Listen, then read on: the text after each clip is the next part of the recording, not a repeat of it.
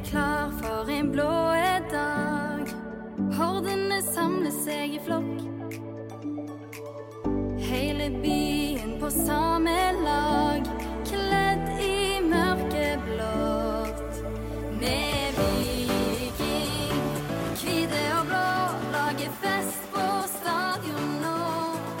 Velkommen til episode 114 av Vikingpodden.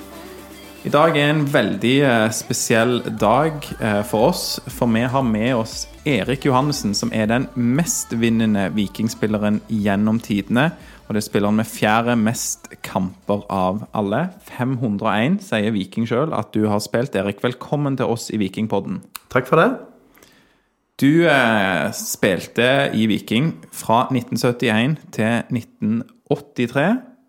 Stemmer. stemmer. Så det ble, ble det 12 eller 13 sesonger der? Ja, 13 er et stygt tall, men det ble faktisk 13 sesonger, da. Det ble 13, ja. Og nå er det jo, hva skal jeg si, eh, jevnlig litt oppmerksomhet rundt deg, men eh, i det siste så har det bl.a. vært oppmerksomhet rundt deg fordi at du har skrevet bok. Ja, stemmer. Jeg hadde Jeg eh, har skrevet en bok som jeg ga ut i fjor, eller som kom ut i fjor, da, 7. juli. Og det var, det var et opplegg som førte veldig mye kjekt med seg. Både mens jeg jobbet med boka, og i etterkant, da, når jeg har vært litt rundt og snakket om boka på forskjellige klubber og foreninger. Og folk som har kommet hjem til meg og slått av en prat og kjøpt ei bok. Spesielt gjerne første to ukene etter boka kom ut, der jeg nevnte så vidt på Facebook at eh, hvis det er noen som har lyst til å kjøpe boka, så kan dere komme ned i morgen mellom klokka fire og seks. Det ble da mellom klokka tolv og åtte, og det ble det da i 14 dager framover. Men det var helt fantastisk. Ja, men Det er godt å høre. Og nå skal du vite det at Vikingpodden har opptil 1800 lyttere i uka, så det kan jo være at det kommer noe mer nå, da. Jeg tror ikke det blir en storm. Så, så mange lyttere har vi ikke, men det, man vet jo aldri. Nei, jeg har, og jeg har jo sagt det at uh, hvis det er noen som ennå ønsker å kjøpe Det var jo det gikk jo mange bøker ut med en gang, men jeg har enda flere bøker igjen. Eller vi har, for vi var jo et team som lagde dette til slutt. da. Og hvis det er folk som ønsker, så det slå meg på tråden, eller send meg en melding. Jeg òg har alltid òg stående ei eske med bøker i bilen. For det at jeg har sett at folk kommer bort til meg av og til og spør har du ei bok, jeg skulle hatt den. Og så da er det greit å si ja, bare bli med ut i bilen min. Så skal vi se. Så hvis det, hvis det er noen som har lyst på, så er det bare å kontakte meg. Ja, men det er bra. Um, vi skal jo, vi, Du har vært så grei og tatt med ei bok eh, til oss, som vi skal ha som eh, premie òg til mm, en, eh, en lytter. Og så skal jeg ut i, i bilen etterpå og kjøpe ei bok av deg, så det gleder jeg meg jo til. Ja. Fantastisk. Ja. Så skal jeg bare også, før vi går videre, si velkommen til fast inventar i Vikingpodden. Lars, læreren fra Madla. Kjekt at du er med òg. Takk for det. Nå syns jeg jeg har vært stille ganske lenge, så jeg eh, klarte det i dag. Han pleier jo å prate mye, så du skal få si litt du òg, Lars. da. Men eh, ja, kjekt at dere begge er med. Og så vil jeg jo også bare nevne Erik, at du ble jo nettopp, eller relativt nylig, æresmedlem. Det var i 2020 at det ble annonsert, stemmer ikke det? Ja, og jeg fikk jo jeg, jeg, jeg, trodde det bare var en prank jeg, når jeg fikk beskjed da, under coviden. Og, og det var en kompis som en kveldsstund stakk innom, Christian Vesthund, som selv har spilt en, noen kamper for Viking, og sa plutselig at du har blitt æresmedlem. Så sa jeg nei, du kødder nå. Nei, det var tilfellet. Og så ringte de fra Viking og, og, um, uh, sa dette her og fortalte at uh, de ville ikke dele ut medaljen før liksom livet var blitt liv i gåsøyne, det var blitt normalt igjen. Ja, etter var, pandemien. Etter pandemien, ja. Folk kom på stadion. Da jeg spurte hva, da, i 2035, så lo han da, men så ble det i fjor. Og i den forbindelsen så kan jeg ta en, en liten Jeg syns det er en sånn herlig historie, for dette, som viser egentlig hvor gammel jeg er, og hvor lenge siden det er jeg spilte fotball. uh, vi ble jo invitert hele familien til, til stadion da, med middag og greier. og mi, Yngste dattera mi kom hjem fra Bergen. og ja, Alle var rundt bordet og spiste, og så måtte jeg ned da og gå ut på banen. Og det var ganske heftig. Det er lenge siden 7000 mennesker har klapt for meg. Og jeg kjente det vibrerte både her og der, holdt jeg på å si, og gikk ut og jeg fikk denne medaljen og Viking og Bodø-Glimt sto oppstilt, eh, og klapte de òg, da. Og, eh, og folk klapte, og jeg snudde meg og vinkte tilbake og fikk denne medaljen og gikk opp og satt på, på vippen og så kampen, som Bodø-Glimt vant. For de var grævla gode, da. Dårlig gjort, syns jeg. Ja, ja. Eh, Dagen etterpå så, så kom jeg på skolen, og uh, jeg jobber ennå litt på Kristian Lys skole som pensjonerte vikar. da. Kom sammen med eldstedattera mi som òg jobber der, og da kom det en åttendeklassing springende imot meg, så sier han, ropte frenetisk 'Erik, Erik, Erik, jeg så deg på stadion i går. Du, jeg, jeg, du gikk ut på en rød matte på, på gresset der, og så gikk du bort til en mann, og så klapte folk for deg, og så klapte du og vinkte og greier, og så og ja, og så var det så kjekt, og så fikk du noe av han mannen der. Hadde du bursdag? liksom, ok. Så han visste sannsynligvis ikke jeg hadde spilt fotball sjøl. Så de på Christian Lyst, de har enten vet de det ikke, eller så har de ikke klart å liksom forstå det helt. Nei, de men det, det har med, med aldersperspektiv å gjøre. Altså, dette er jo Nå her i uka, som var 3. mai, så det, var det 51 år siden jeg spilte min første obligatoriske kamp for Viking. Debuterte mot Brann 3. mai 1971. Så uh, En kamp som gikk bra. Gikk ganske bra, gjorde det ikke det? Det gjorde det. Vi vant 5-0. Det var uh, i 1971, da, den andre seriekampen. Det var jo Sverre Andersen som var førstekeeper i første kampen mot Hamar-kameratene.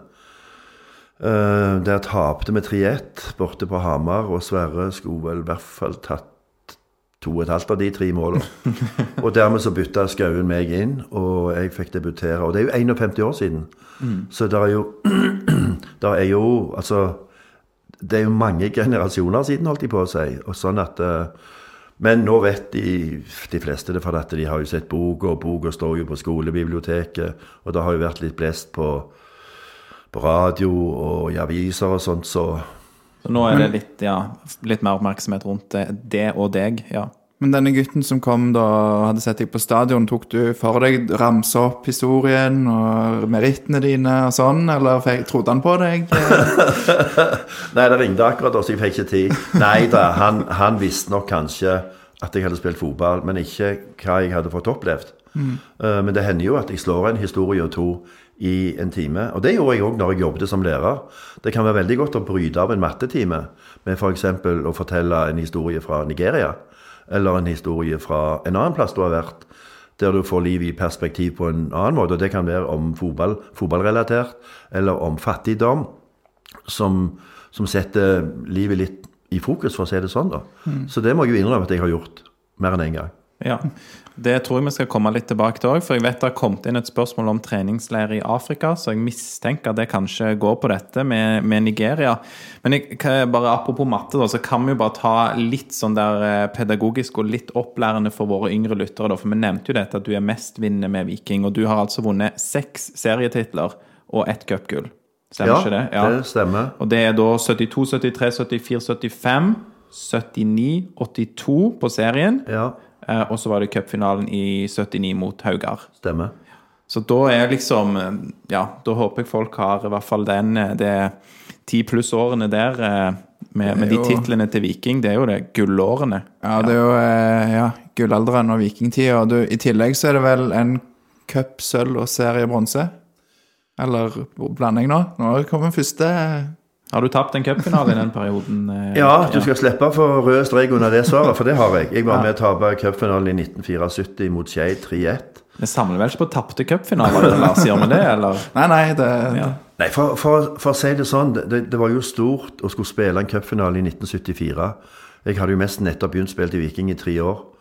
Eh, Vi reiser inn til Oslo Uh, full av forventninger og forhåpninger med kjærester og damer og alt det der, koner. Jeg var jo young, free and single, så jeg bodde alene på, på et rom da. Og jeg husker vi hadde vært på teater om kvelden, og revy eller noe sånt. Så går jeg og legger meg, og da var det et program på radioen som het noe sånn som Kvelden før kvelden med Bjørge Lillien. Folk kunne ringe inn, og så var det musikk og fotballsnakk og greier. og liksom... Han var sportskommentator. Bjørge Lillien? Han var Lillien. den store guden, eh, guruen, i hvert fall, Ja. tror jeg vi sier. um, og jeg sovnet til slutt, måtte ikke være for seine, og våkner, trekker for gardinene og holder på å få sjokk. For når jeg kikker ut vinduet, så kjører bilene forbi hotellet med 25 cm snø oppå taket. Da var jeg bombesikker på at dette var en bomtur, og at den cupfinalen aldri ble spilt.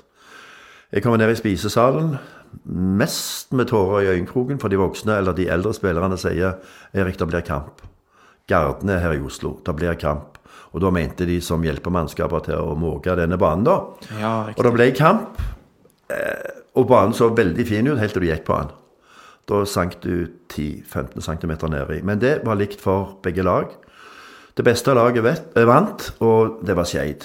De vant 3-1, så jeg fikk Jeg hadde jo gledet meg sånn til å få hilse på kongen, men det fikk jeg ved en senere anledning. Ja, det var for bra. Så dette var altså i, eh, i 74. Du begynte med de Det var jo en eh, litt spesiell opplevelse da eh, eh, på cupfinalen det året, men, eh, men Lars, du tok fram dette cupfinaletapet. Ble Ja, ja, men nå er vi ferdig med det. Med ferdig med det. Men når var det du hilste på Slatko Tripic? Du sa du hilste på kongen. Ja, Eller tenker du Nå, Nei. nå snakker vi med, med splitta tunge. For meg så, så har det bare vært én konge helt til han andre overtok. da. Det var jo kong Olav Ja. som var den store, og eh, ja Jeg dreit meg jo rett og slett ut. Og historien var jo som følger. Det var jo en fantastisk dag. Alt var hvitt og blått, for uh, Haugar spilte i hvitt og blått, og vi spilte i blått og hvitt. Og sol og skein, og alle var glad, i hvert fall i en periode. Og nå hoppet vi til 79, sant? Nå hopper vi til 79, ja. Så kan vi ta tre pils etterpå. uh, vi vinner eh, 2-1. Haugar leder. Vi vinner 2-1. Et straffe og et selvmål. Men vi vinner. Det er ingen som ser på hvordan målene kommer i historisk sammenheng. Men i hvert fall så går vi jo opp etter Haugar har fått sin uh, lille kongepokal. Så går vi opp, og det var jo kong Olav da som hadde sin veldig gjenkjennelige stemme. Nå vet ikke jeg hvor mye dere husker kong Olav eller har hørt om ham, men hadde en litt sånn pipete stemme. Og han uh, sa til Svein Kvia, som gikk først, da, som var kaptein, så sier han ja, eh, kaptein, gratulerer med seieren, da! Ja, Tusen takk, sa Svein, og så fikk han den lille kongebokalen. Så gikk han litt til sides, og så var det min tur, og så sier kong Olav til meg eh, gratulerer med seieren, da, keeperen! Tusen takk, sa jeg. Vi snakkes. Så kom jeg bort til Svein, så sier Svein til meg Da er jo det nestemann kom til kongen, ikke sant? Det går jo. Så sier Svein Erik, hva var det du sa til kongen? Vi snakkes, skal du treffe han i kveld, eller?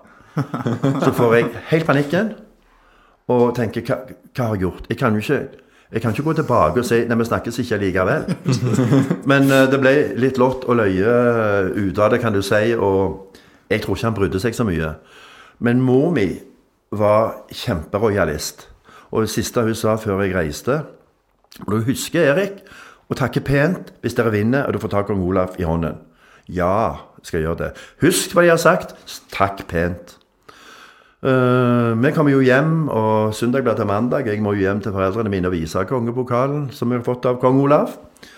Så sier jeg, mor, du må sette deg ned, jeg har noe å fortelle deg. Hva? sier hun da. Ja, du må sette deg. Ja, har du gjort noe galt? Nei.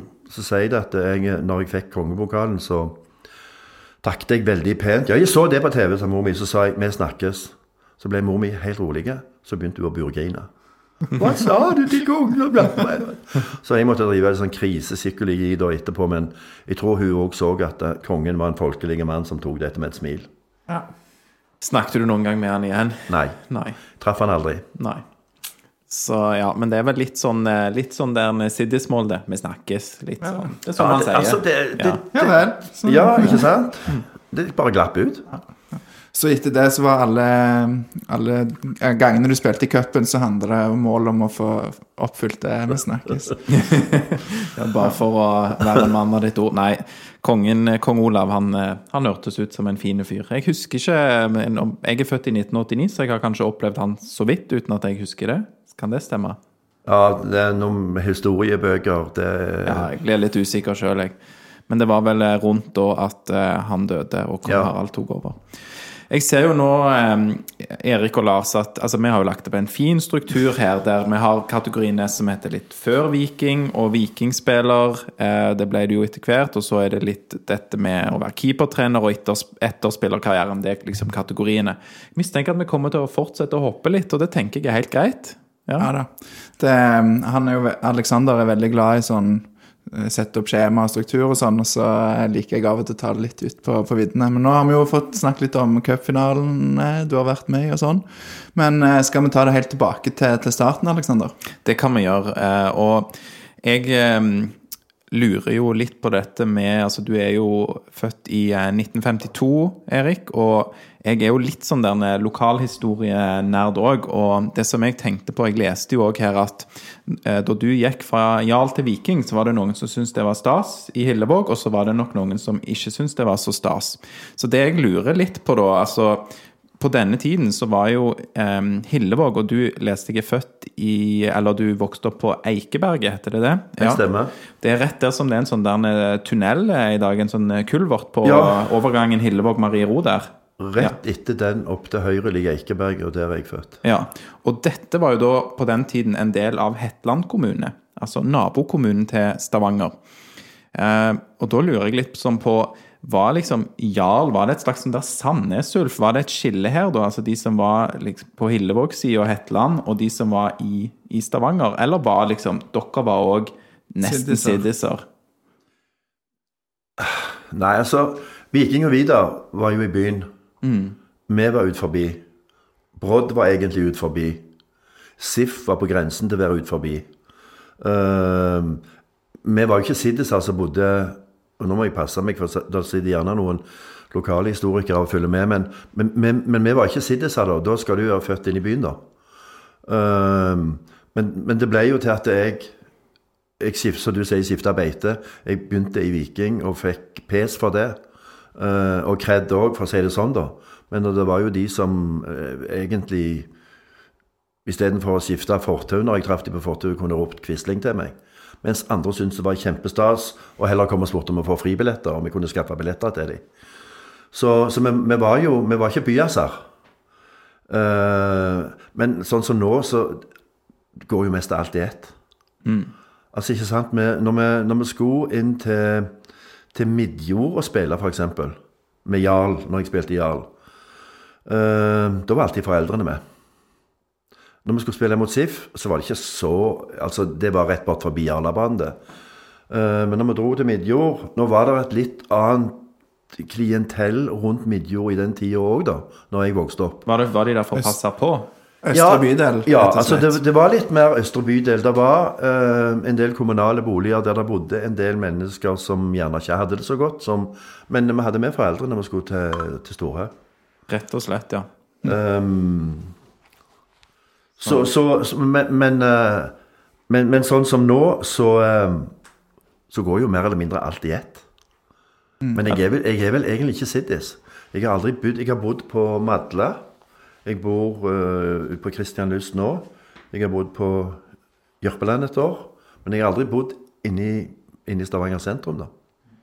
Men dette er klart, eh, for mange som vokser opp i dag, så er nok dette litt sånn eh, litt fremmed, da. For det, hvis man er fra Hillevåg eller Kristianlyst, og så, så kan man vel smukke seg med den tittelen både Siddis og Byas, tror jeg, hvis de som vokser opp der i dag. Ja, det er helt sikkert. Jeg tror ting glir mye mer over i hverandre nå enn det de gjorde da jeg vokste opp.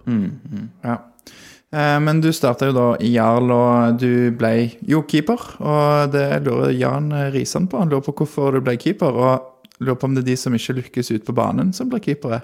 Hva For et frekt spørsmål. Nei da, det, det skal han få, få vite. Det, det hadde seg sånn at eh, jeg hadde kompiser som bodde både i Hillevåg og oppe på Åsen. Det var jo et lite skille der med Åsen. Det var de som bodde oppe i høyden. Men mange av de som uh, gikk på skolen med, bodde der oppe. Og de fikk meg med på Jarla-trening, da. Ned på grusbanen som ligger, lå, ligger bak Kvaleberg skole. Det var grus levert av AS Kullimport uh, med store koksbeder, og ja, det var skikkelig heavy grusbane, da. Men i hvert fall så møtte jeg opp der, nervøse, men eh, stilte opp sammen med masse med unger. Jeg var åtte-ni år eller noe sånt da. Født i 1952, så var det sånn ca. 60 da. Og der var det én trener, eller kall det hva du vil, som valgte to lag. Så var det alle mot alle, da, omtrent. Jeg hadde fått eh, helt ny eh, joggedress av far min.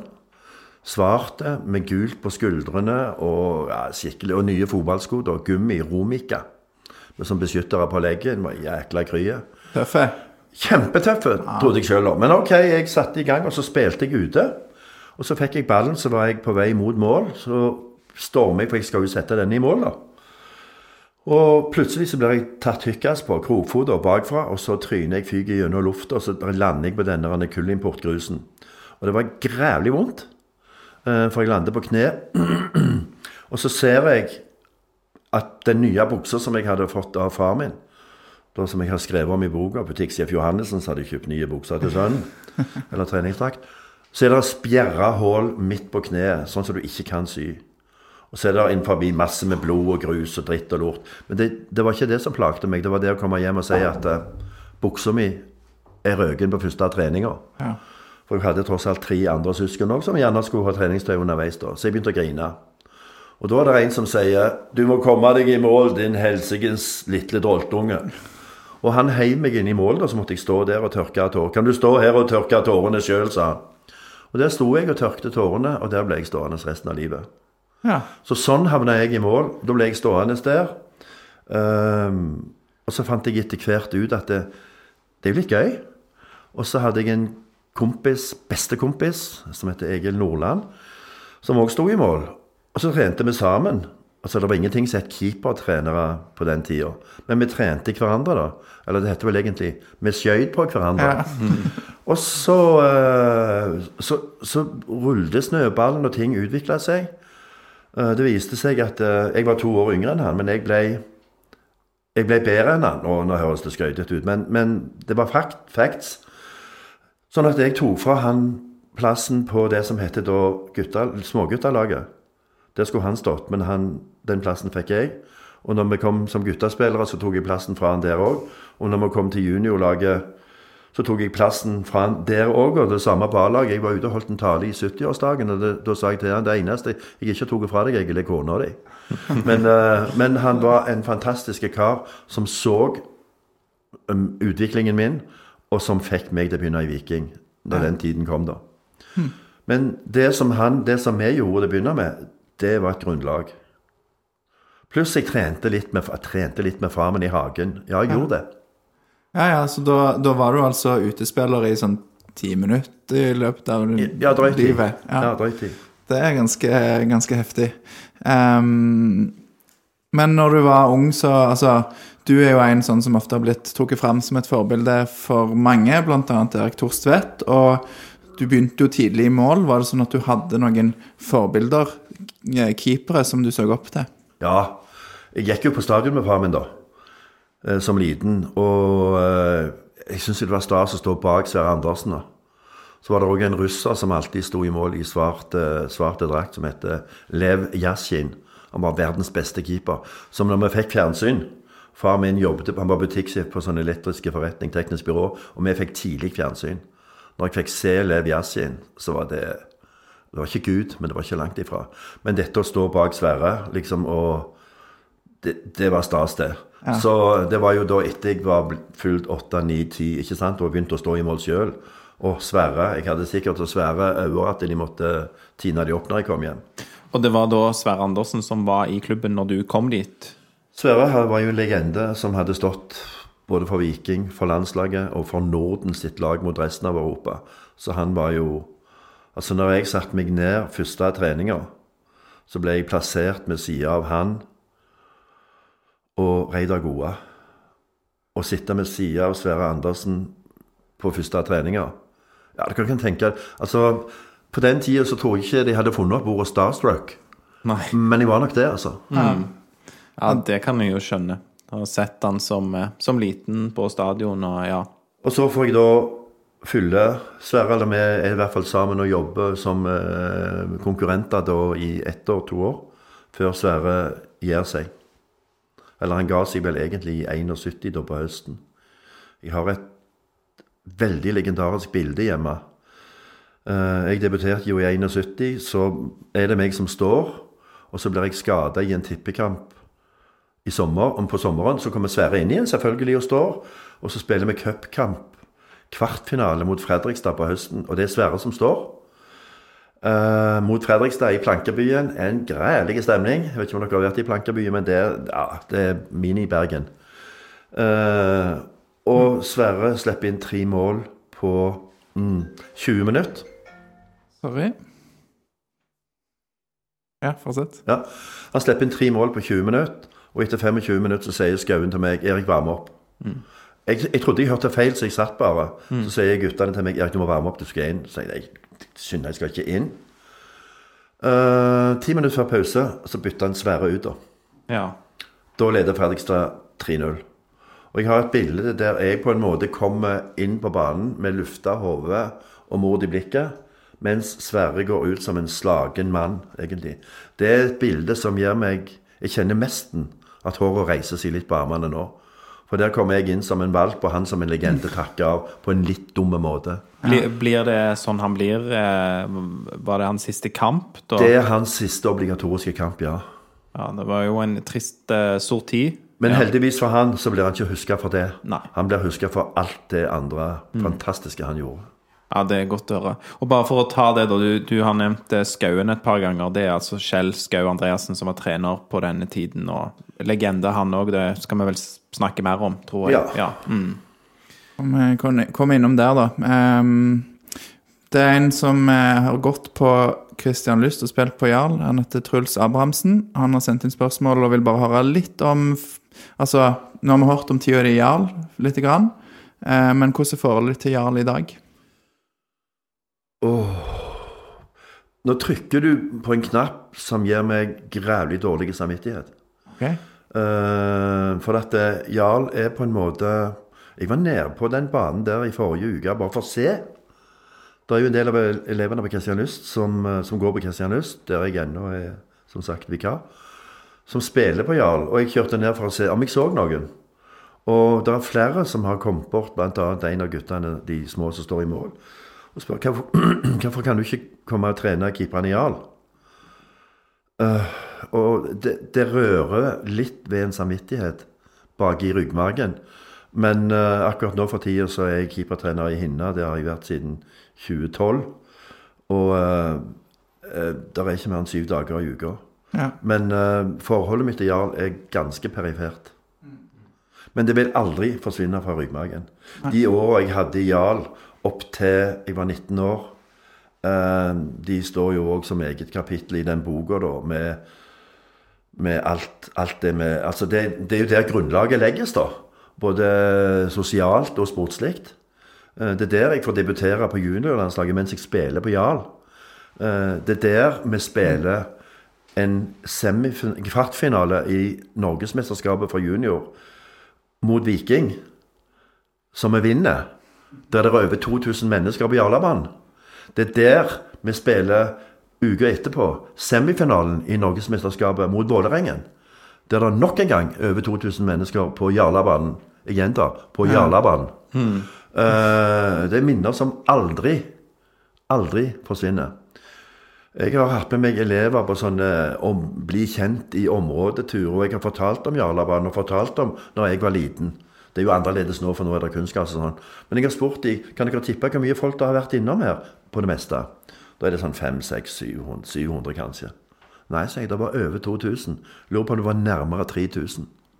Det er det vel kanskje ikke plass til i dag? Det så litt annerledes ut Ja, den gang, vil jeg Ja. tro. Ja. Nei, det var, det var Men det var tjåka. Ja, Ja, å si det det sånn. kunne jeg tenke meg. Det, jeg har eh, vært eh, jobbet på Kvalberg, så jeg har vært en del der på sånne eh, turer. Så eh, Jarlabanen er jo litt sånn kul bane, da. Det skal de ha. Det er en veldig sånn bybane. Veldig sånn eh, omgitt av hus og litt sånn som jeg skulle ønske at vi hadde en, en stadion for Viking i dag, som var litt mer, eh, litt mer sånn bystadion. Men eh, Jåttåvågen er bra, det òg, altså. Ja. Det er det, og du, du kan si det sånn På Jåttåvågen så er det jo ikke når, vi, når jeg spilte, så var det jo løpebane rundt stadion. Og det er jo bra, for all del, for friidretten.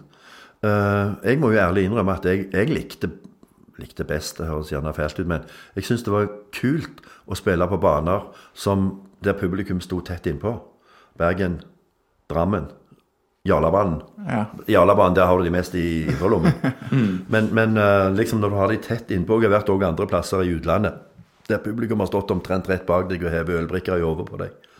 Så uh, Så det får vi på i Åttervågen òg, så det er bra. ja, ja, ikke sant?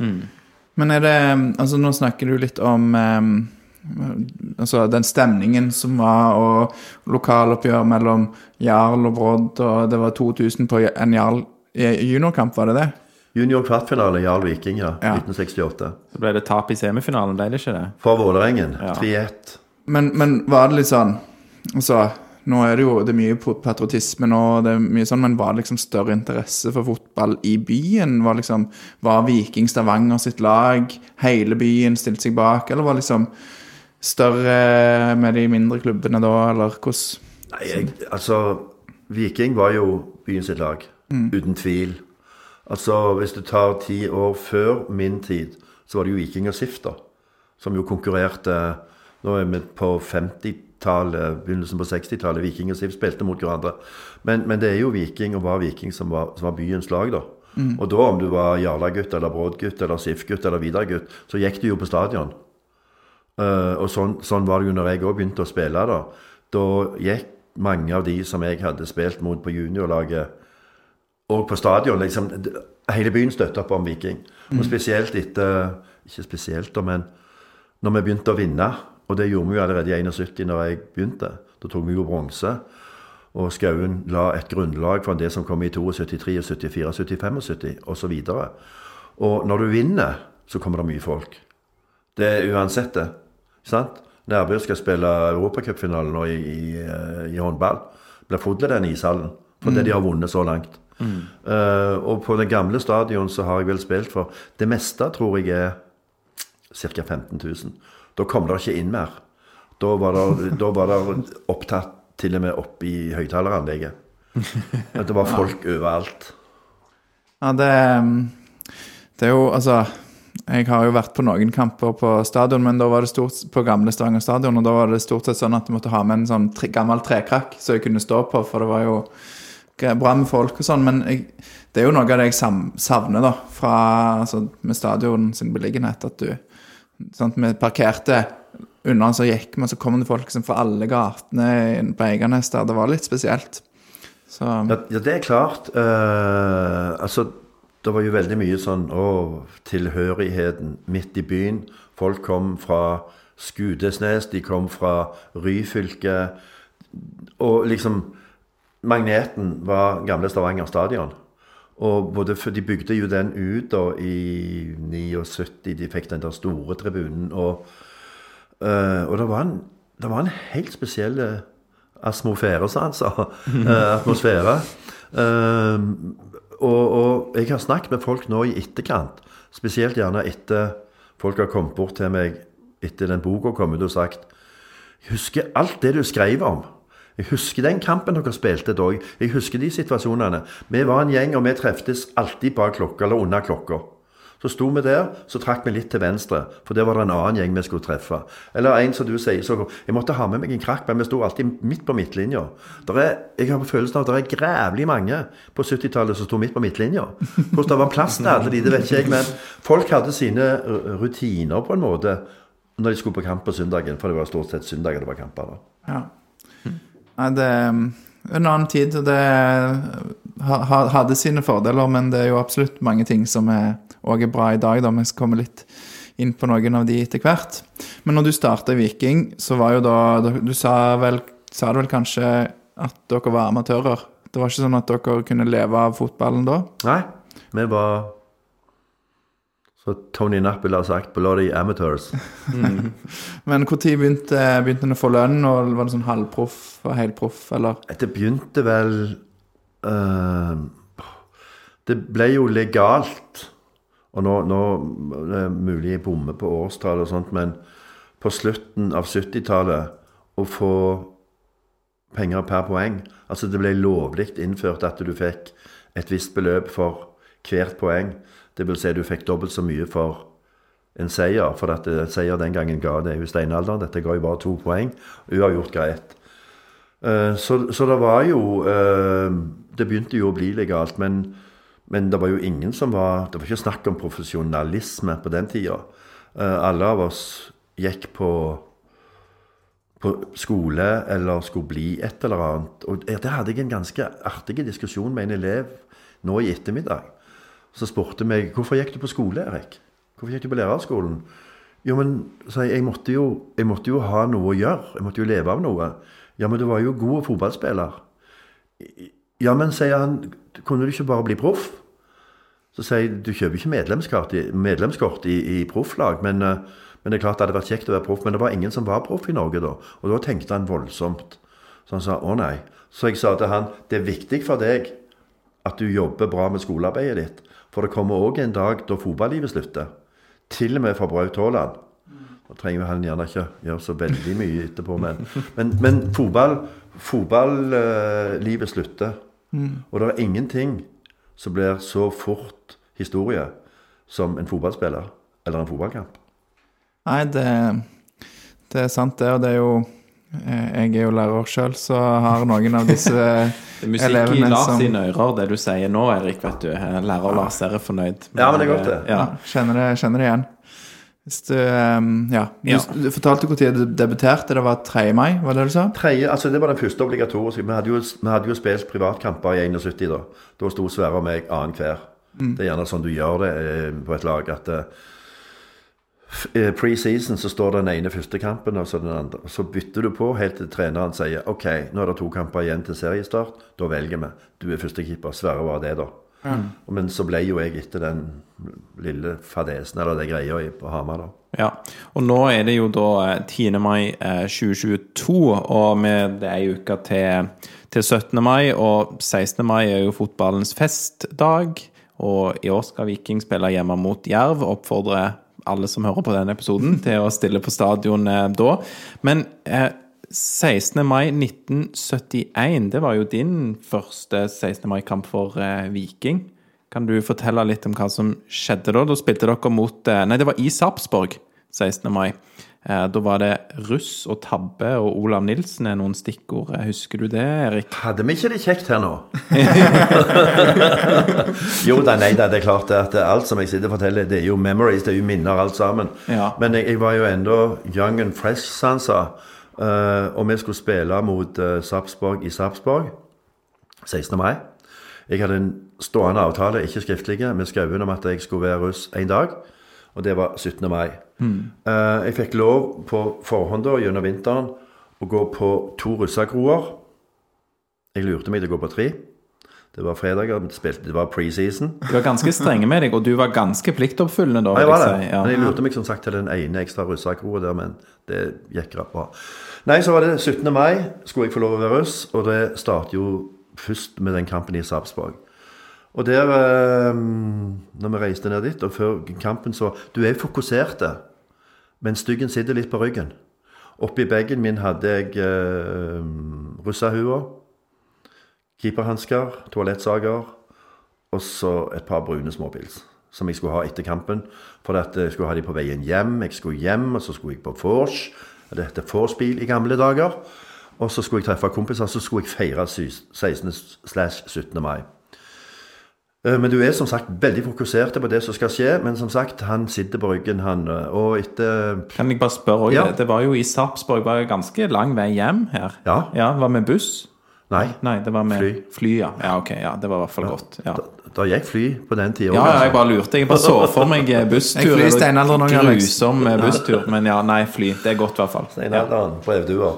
Um, Og siden dere ikke fikk noe lønn heller, så vet man jo ikke budsjettene heller til lagene her, vet du. Men eh, fly var det. Så de var er sikkert grævlig godt subsidiert. Og det kom så mye folk og så på oss, vet du. Ja. Men, det som eh, er så fint med, med fly, Alex, er at det ikke kan spore av. Det er sant. Ja, Siden vi spurte av denne historien. ja ikke sant. Ja. Nei, men det går fint. Eh, Jeg har jobbet mye i hjelpeklasser, så jeg eh, vet hva det handler om. um, etter 10 minutter, 12 minutter, 15 minutter, så kommer det en ball innover mot meg som er kjempeenkel. Til og med dere to hadde tatt den. Den treffer ei tue. Ingen unnskyldning. Han spretter over hendene mine og inn i mål.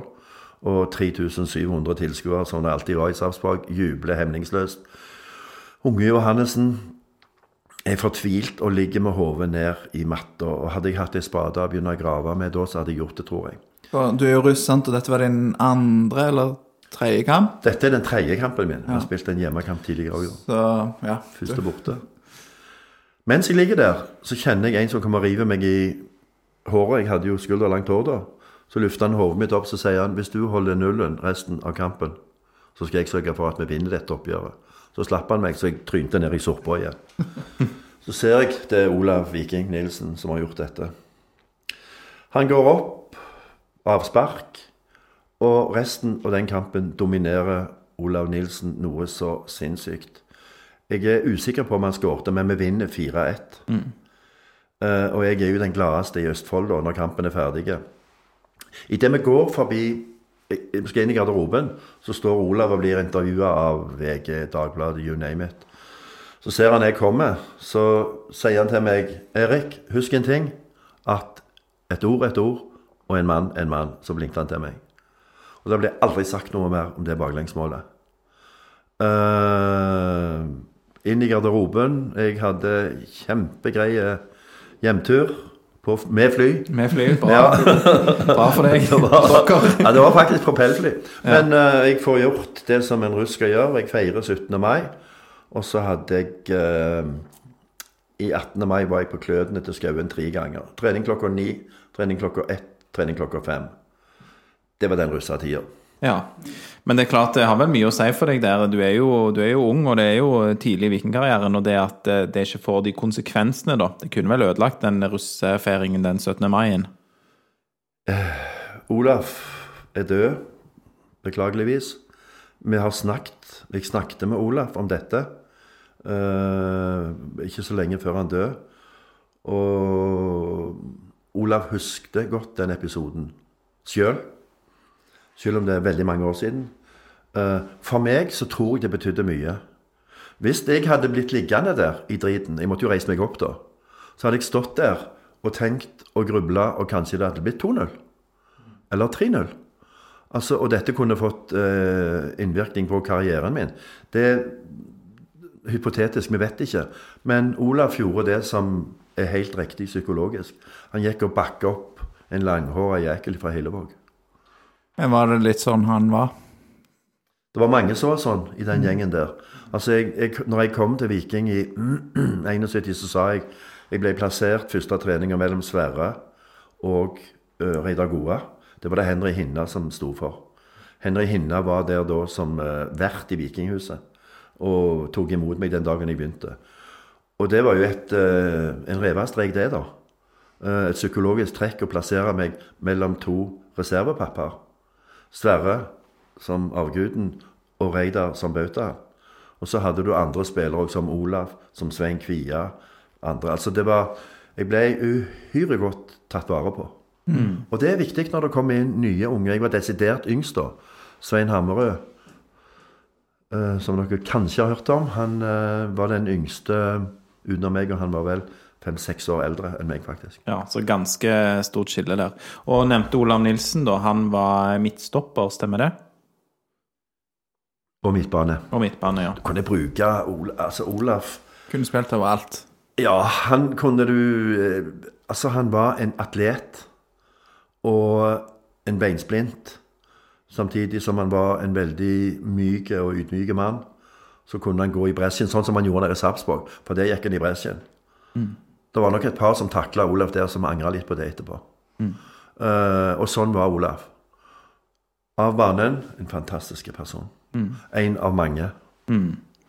Vi har fått inn et spørsmål her fra Espen eh, Toppland, som eh, sier at han eh, begynte sin karriere som vikingsupporter i 1972, og han eh, holder fortsatt eh, følge med Viking i dag. Jeg var på kamp med Espen i Sarpsborg i årets sesong, så det var en kjekk opplevelse. Han sier han opplevde de fantastiske 70-årene, og da lurer han på, Erik, om du syns at laget med Svein Kvia som kaptein var bedre enn dagens vikinglag? Åh, nå ble det stille i fjøset. Det er et spørsmål som du aldri vil få svar på. Eh, fotballen nå er jo fullstendig annerledes enn den fotballen vi spilte. Jeg har sjøl satt meg ned og tenkt uh, med meg sjøl Hvordan ville du, gamle Johannessen, vært hvis fotballen hadde vært sånn før? For dette med fotarbeid, tilbakespill Vi kunne jo ta opp ballen, så kunne vi dabbe rundt kirkegården med den omtrent med. Ikke sant? Eller bare vi var inne forbi 16-meteren. Det, det er jo en helt annen fotball som spilles nå. Mm, Reglene er rett og slett litt annerledes. Ja, og, og tempoet er sikkert òg Eller sikkert er mye, mye større. Men hvis vi hadde fått tatt laget vårt i 1979 mot det laget i dag Hvis de skulle spilt på våre premisser med våre regler og greier, så det er veldig Jeg får alltid Uansett hva jeg svarer der, så vil jeg få noen etter meg. Men vi var grævla gode i 79, og de er grævlig gode i dag. Der, er, Det lukter et eller annet. Ja, det er gøy å følge i, i 2022 òg. Det. Ja, det er det jeg mener. Nå i 22 så lukter det et eller annet. Ja, hva, hva er det som gjør det gjør du ser at det sier det lukter et eller annet, eller hva er det du ser i dagens vikinglag, da? Jeg ser bl.a. evnen til å kunne komme tilbake. Evnen til å kunne stå på sammen. Jeg satt hjemme og så uh, Moldekampen. Og jeg har sjøl vært i Molde og vært keepertrener på, på den Løkkerøy-Røkkeløkka. Og vet hvor tøft det kan være å spille der oppe. Jeg har sjøl spilt kamper i Molde uh, på den gamle banen og vet hvor tøft det kan være der oppe. Når de får etter å ha starta bra, liksom dette var Oi, sett på en kopp kaffe til, for dette går godt. Så får de tre på trynet rimelig kjapt. Så satt jeg og tenkte litt med meg sjøl at hvis de får inn ett mål før pause, det kan være en sånn liten redningsbøye. Men ok. Og så fikk de det. Når du da får den boosten når du går inn til pause, det ene målet, eh, så kan det være litt sånn forløsende, forstår meg riktig. Eh, For da liksom er du i Oi! Da gleder vi oss til annen omgang. Og hvis vi da får ett til, da er det litt sånn shaky whatever Stevens, ikke sant? På det andre laget. Uh, har vært der sjøl. Hvis du får liksom plutselig to og leder bare med én. Og så skjer jo det at de får to, og så blir det rød, rødt kort. og så men Viking, det var, det var en fantastisk opphenting. Og den egenskapen, selv om du spiller mot ti mann, det er ikke alltid like lett, det. Eh, det har jeg òg vært med på, og holdt på å tape mot ti mann i Drammen, mot Strømsgodset.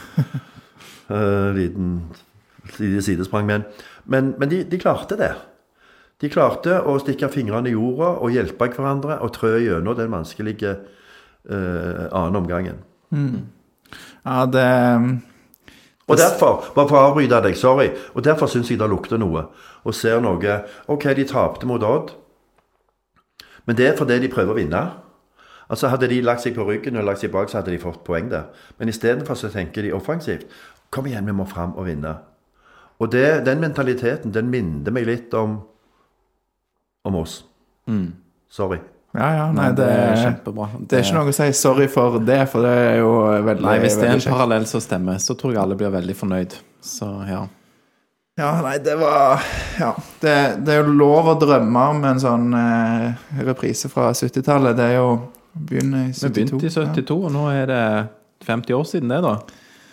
Ja. Det er jo fint å begynne en ny rekke nå. Hvis du er god i matematikk, så finner du ut at det første gullet som vi begynte på, det er akkurat 50 år siden. Så vi burde jo egentlig på en eller annen måte markere det i høst. jeg, jeg, jeg, jeg mener det helt ærlig. Altså, det, er- det er 50 år siden, men det er noen som har falt ifra, dessverre. Men vi som er igjen av det laget der Nå hadde de jo i fjor de var nede med Benny Lennartson i telt meg her og telt meg der, og, og feirte dette gullet som de fikk i 91. 91. Og jeg syns pikene det, det er på sin plass å markere det gullrushet som begynte i 72. På en eller annen måte, om vi gutter kommer sammen eller whatever. Men det er tross alt en milepæl. For når dere tok det gullet i 72 òg, så var det veldig lenge siden sist. Da var det, det var en, et eller annet på slutten av 50-tallet, stemmer det? 54, tror jeg. Eller noe Ja, ikke sant? Så det var en, eh, en lang tørkeperiode før det òg. Det var det. Ja, nei, det Ja, 72 var, var nok et godt år for um, mange. En av de som òg fikk oppleve 70-tallet, det var min far. Og um, han har jo da gjennom min oppvekst fortalt mye om, eh, om de mørkeblå heltene fra 70-tallet. Og, og han, når vi starter med podkasten her, så har egentlig fra vi starta, så har han mast om at dere må snakke med Erik Johannessen. Så du har en høy stjerne i hans bok, da. Og han ville gjerne eh, Du må fortelle, eller, du må fortelle han denne, for han, du har nemlig gitt ham en stor opplevelse. Ehm, ikke fordi du gjorde så mye, men eh, etter en kamp før i tida så var det jo veldig vanlig med banestorming, har jeg inntrykk av. Ja, ja. Folk kom, sprang inn på banen. Eh, Nei, det var lovlig, det. ja. Um, og da var det min far og kameraten hans som sprang inn i målet som du hadde stått i. Og eh, der så sto det ei halvfull flaske med Hva kan det ha vært? XL1 eller sånn uh, whatever. Ja, han sier cola. Um, Det kan være cola òg. Ja. Fy! For den delte de nemlig og var i ekstase etterpå over at de hadde drukket opp brusen til Erik Johannessen. Skikkelig sånn starstruck, da, for å bruke det ordet du sjøl eh, tok i stad. Eh, men var det sånn da at du drakk faktisk cola under kamp? Hva heter far din? Eh, Jan Risan. Jan Risa, du skylder meg ei cola. uh, nei, altså, jeg, jeg Det kan godt være, altså. Men um, vi hadde gjerne XL1, sånn en styrkedrikk som du blander ut. Men uh, det, det kan godt være at det, det var i cola. Og Hvis han sto inn i mål, så var det ingen andre sin i hvert fall. nei. Og så eh, skjedde det ofte da at det kom plagsomme smågutter og drakk opp eh, brusen som du skulle ha styrka deg på. Ja, det viser seg jo det. Kanskje ikke det største problemet på den tida, nei. Nei, det var, men det var jo stas det etter Altså, det var jo andre regler der. Det var når dommeren blåste, så stormte folk banen hvis du hadde vunnet. Og vi vant jo. Vi vant jo veldig mye.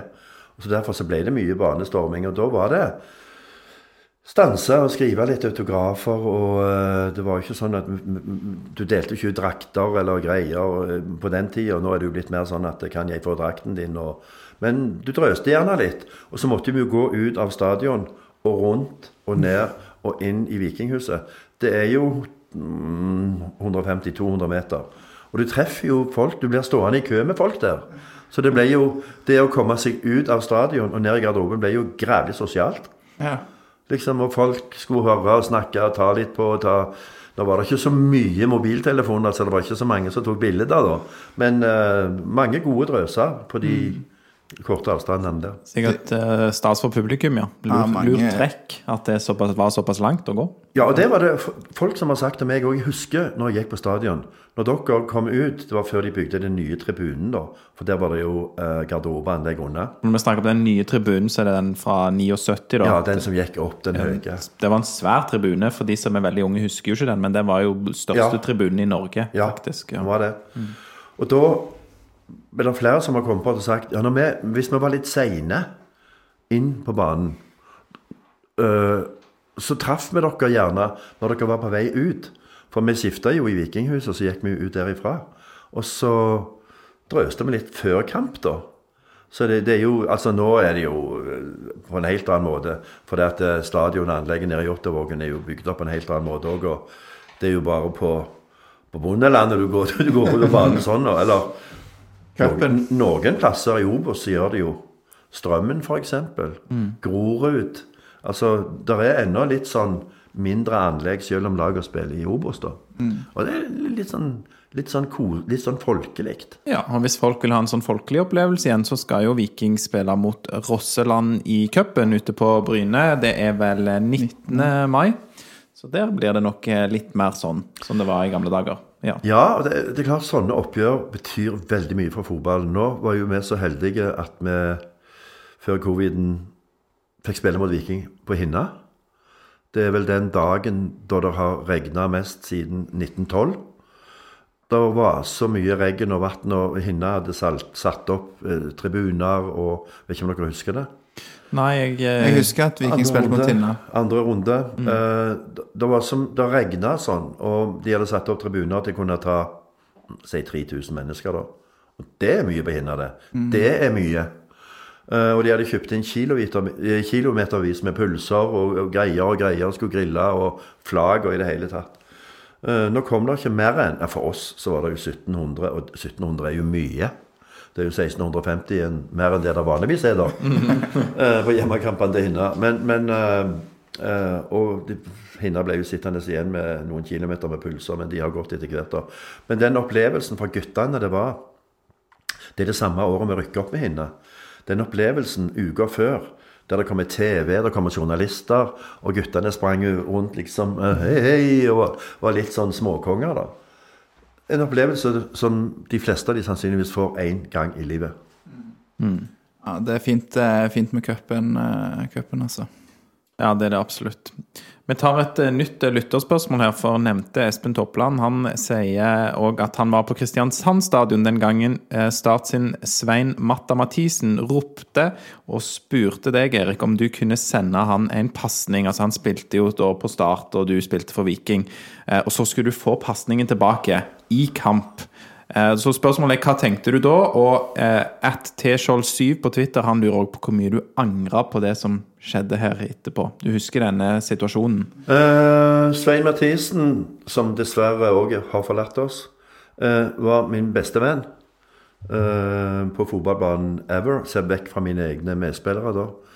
Eh, han ble Det ble bare sånn. Vi traff hverandre gjennom ungdomslandslaget. Og hver sommer så reiste jeg ned og besøkte Svein på, eh, i Kristiansand sammen med en annen kompis som kom fra Østlandet, Oslo, som heter Jørn Goldstein.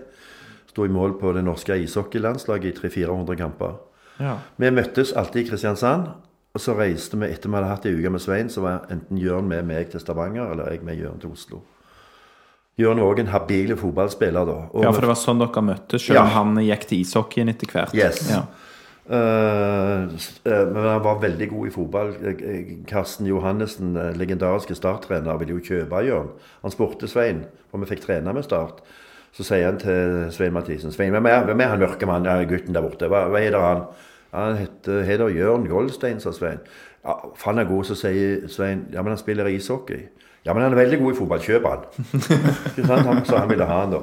Men vi etablerte et sinnssykt godt forhold, Svein og meg, og Jørn.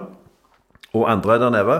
Fantastiske folk på Sørlandet. Og vi treftes jo på banen. Jeg har flere episoder eh, jeg kunne fortalt om Svein der, men denne er jo legendarisk egentlig, sier folk. Vi kommer fra gamle Jugoslavia, nede i Beograd. Vi har spilt europacupkamp. Vi drar direkte til Kristiansand for å spille seriekamp en søndag. Vi kom vel på torsdag-fredag, tror jeg, for vi spilte onsdagen i Beograd.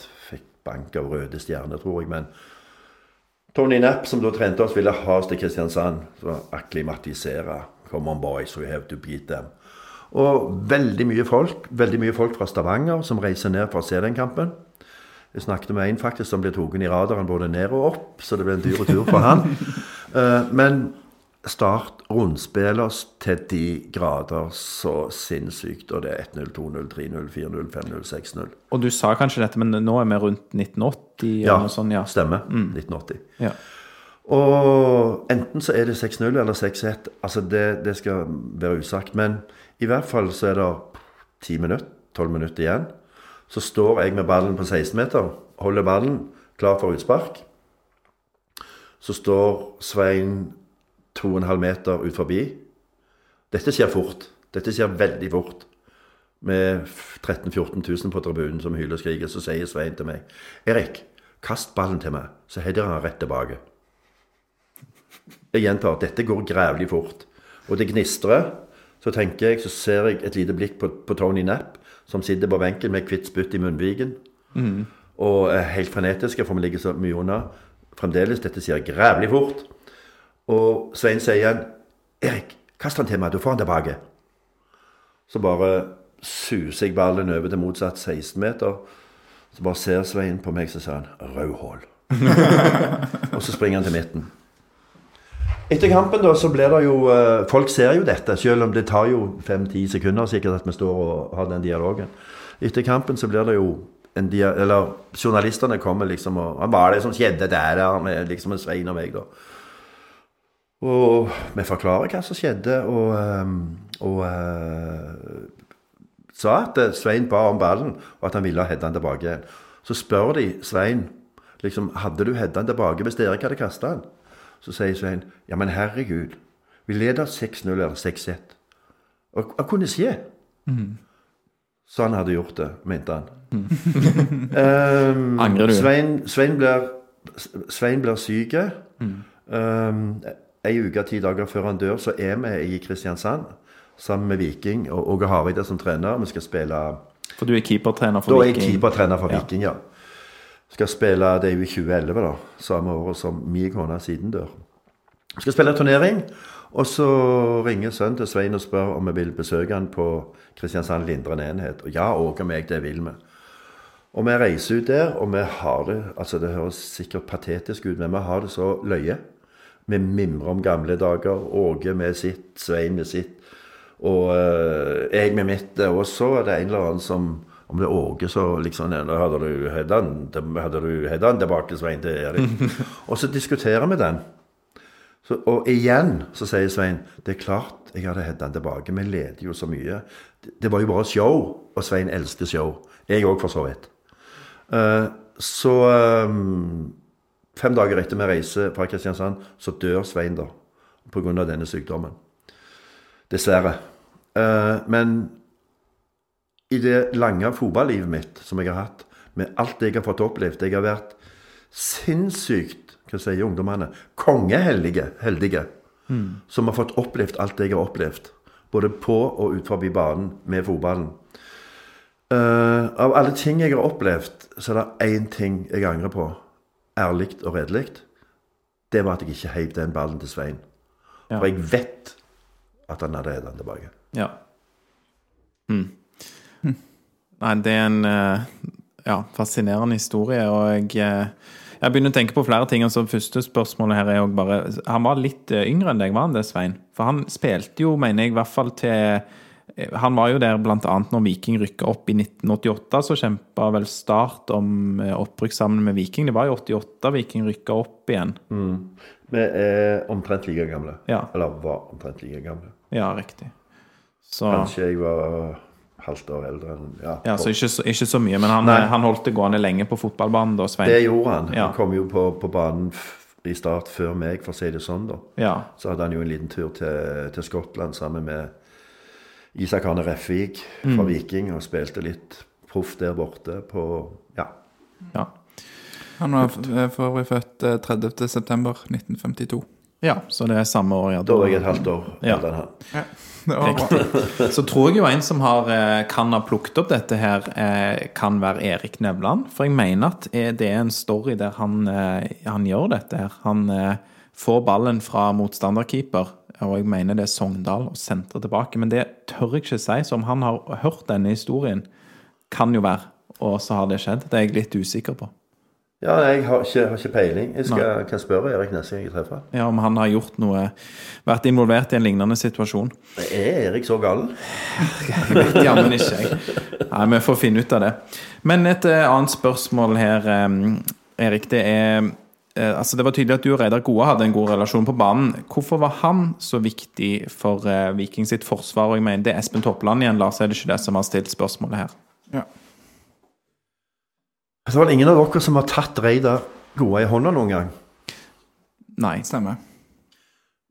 Når du tar Reidar Goa i hånda eh, Reidar er dessverre òg død, da. Når du tar han i hånda første gangen og hilser på han, så må du telle fingrer etterpå.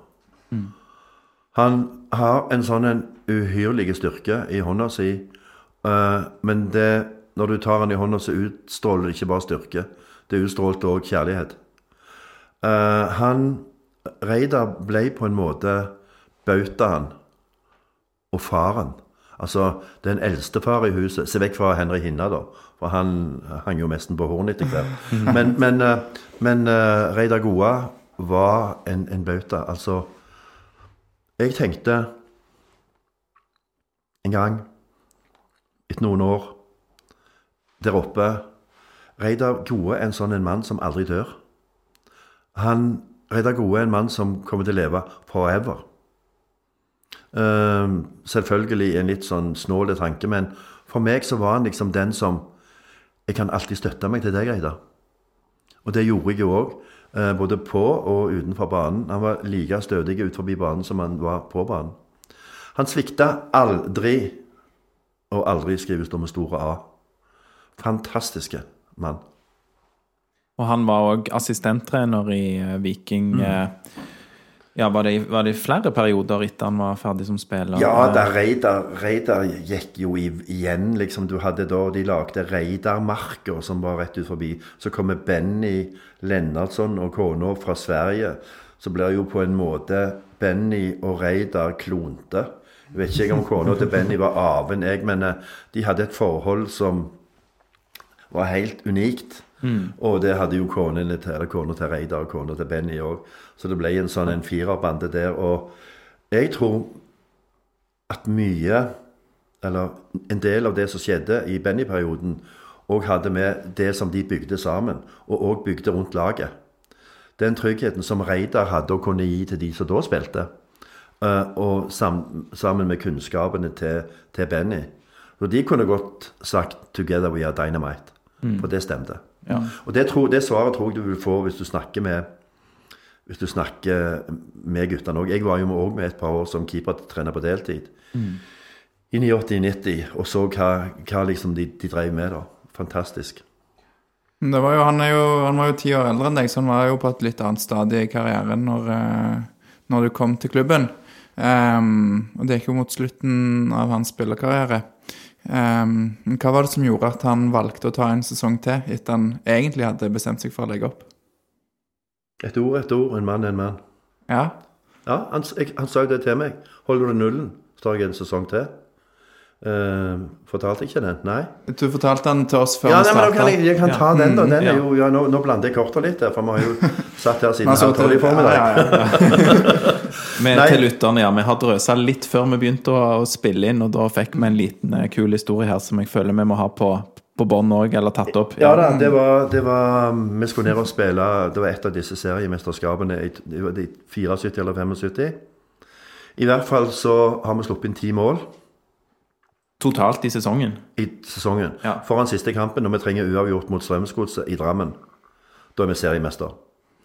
Uh, vi har som sagt sluppet inn ti mål, og før kampen Det er jo lite pedagogisk, da, men Reidar Grove kommer bort. Var en av de gangene han ikke var pedagog. Så sier han til meg Hvis du holder nullen, Erik, og vi står med de ti baklengs, så skal jeg ta en sesong til. Hvis du slipper inn mål, så legger jeg opp. Det vil jo da si at hvis jeg holdt nullen, så ble det uavgjort, og da var vi seriemester. Enkelt regnestykke for matematikklæreren. Eh, Det er en sånn en kamp der som der Jeg spurte han mener du det, Reidar. Ja, holder du nullen, vi står med ti mål, så tar jeg en sesong til. Um, det er en sånn kamp som er fram og tilbake, opp og ned. Alltid kjekt å spille i Drammen for folk. Publikum står helt opp i ryggen på deg, og du kan snu deg og kikke og smile litt og stenge litt og få litt igjen. Og... Men det blir 0-0, og vi blir seriemester. Og jubelen sto, og champagnen spratt, og alle var glad, og i det hele tatt. Og vi skulle jo på bussen og til Fornebu, som det den gang het, flyplassen. De skulle ta fly hjem. Da fly hjem Ja, og denne gangen var det jetfly. ja, bra da. Ting gikk framover. Nå har vi kommet så langt. Ja. Eh, Så ser jeg eh, ut inni garderoben Det var ikke mobiltelefoner fremdeles på den tida, men jeg ser Reidar står i en telefon sånn en, som hang på veggen. Så eh, når han var ferdig, så gikk jeg bort så sier jeg, har du, har du ringt til nå, Reidar?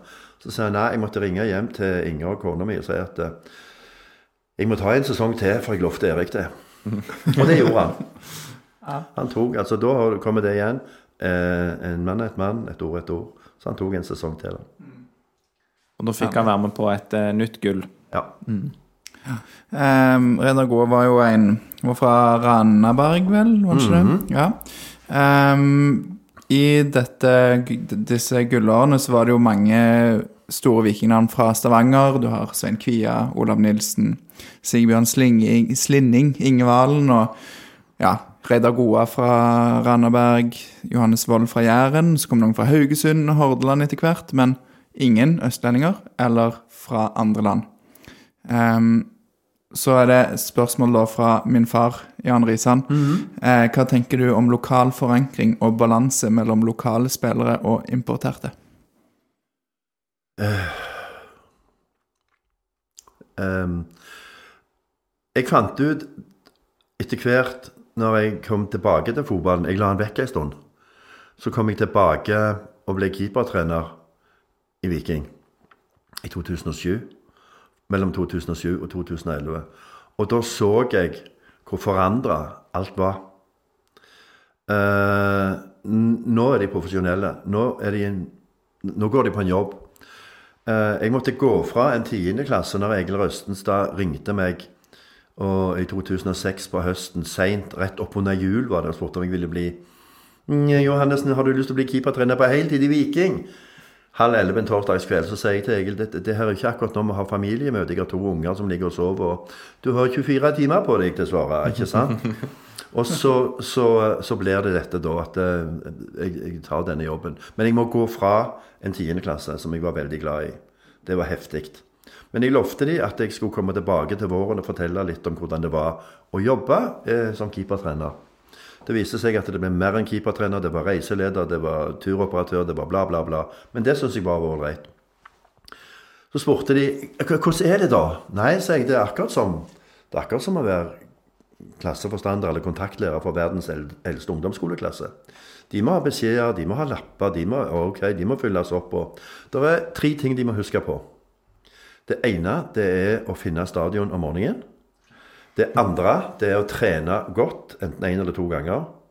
Det tredje det er å finne veien hjem igjen. Ellers så har de alt. De er på jobb, og det er en jobb. Altså, alt er blitt profesjonelt. Eh, som i andre bedrifter, Statoil, nei, Equinor som det heter nå. Det kommer inn folk utenfra, og det gjør det òg i klubber. Men det er klart, når en snakker om, om, eh, om lokale spillere, så er det grævlig kjekt, holdt de på å si. Eh, se på Brauten, som er en lokal spiller som vel i dag har skrevet under på noe Skrevet under på noen papirer. ja da, og sånne småpenger og litt sånn eh. men, men, eh, men, men, men det er klart at eh, når du ser Sondre Auklender, Nilsen Tangener, som blomstrer opp, så er det jo ekstra kjekt, syns jeg, da. Det er kjekt med Gunnarsson i mål, men det er kjekt når det står en Hundvåg-keeper òg. Men, men, men fotballen er blitt sånn at det er en jobb. Altså, Viking er jo en bedrift der folk kommer på jobb, og noen kommer derifra, og noen kommer derifra. Som du sa, så var det kun jeg som var innflytteren. Jeg var den første da, som kom fra Hillevåg. Inge Valen, som òg kommer fra Jarl, er den andre. Heldigvis var vi da to fra Jarl, så vi kunne gå litt tryggere på gatene.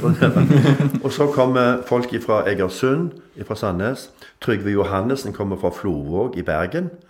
Og så begynner det Første utlendingen er jo Gary Goodchild, som kommer fra England. Og så liksom, Det er akkurat som du hiver den steinen i vannet, så er det ringene som brer seg hele veien.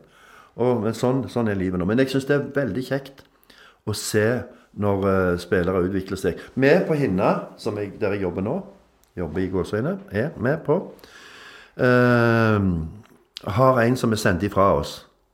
Og det er jo dumt for oss. Men fantastisk kjekt å se at det er en gutt som vi har vært i Hinna noen år, Felix Felix Lillehammer. Lillehammer, som eh, er 17-17 år, som er med på to-laget nå, han kan ha en stor karriere foran seg. To-laget til Viking, altså. Ja, Han har òg fått vært med og trent med A-laget. Og det er jo lille Felix, eller liten, han er, de er en kraftige gutter, men han er veldig unge. Det er jo klart at han har framtiden i sine hender, eller i Viking sine hender, da. Så det er jo kjekt å, og følge med. Det er jo klart at eh, det, det å ha sånne lokale spillere, og og de er gode, det gjør det jo litt ekstra. Uh, samtidig så er det sånn du ser Kristoffer Løkberg da, i Viking i dag, som, som har det der bare at han, han elsker den klubben han er i, og han gir alt for Viking. Og, og jeg tror nesten uansett hvor det kommer fra, så lenge du gir alt for Viking, så tror jeg at publikum vil elske deg. Og så er liksom den der lokale patriotismen og romantiske med at det skal være fra Stavanger, den, den gir noe ekstra, men eh, Ja, jeg syns f.eks. òg det er kjekt å se at Tommy Høiland blomstrer nå. Jeg, jeg gjør det. Altså, Du kan si hva du vil om Tommy. Han er en spesiell type, det må du gjerne være for å spille spiss. Men uh, han fikk det ikke helt til på slutten i Viking. Nå gjør han det greit på Sandnes. Ok, da. Ære være han for det. Og jeg må jo si at jeg syns det er kjempekjekt å se at keepere jeg har trent, gjør det godt andreplasser. Anders Kristiansen i Sarpsborg. Jeg syns han er en av Norges beste keepere for tida. Ærlig. Jeg ser Aslak Falk, som er, som er i Sandnes.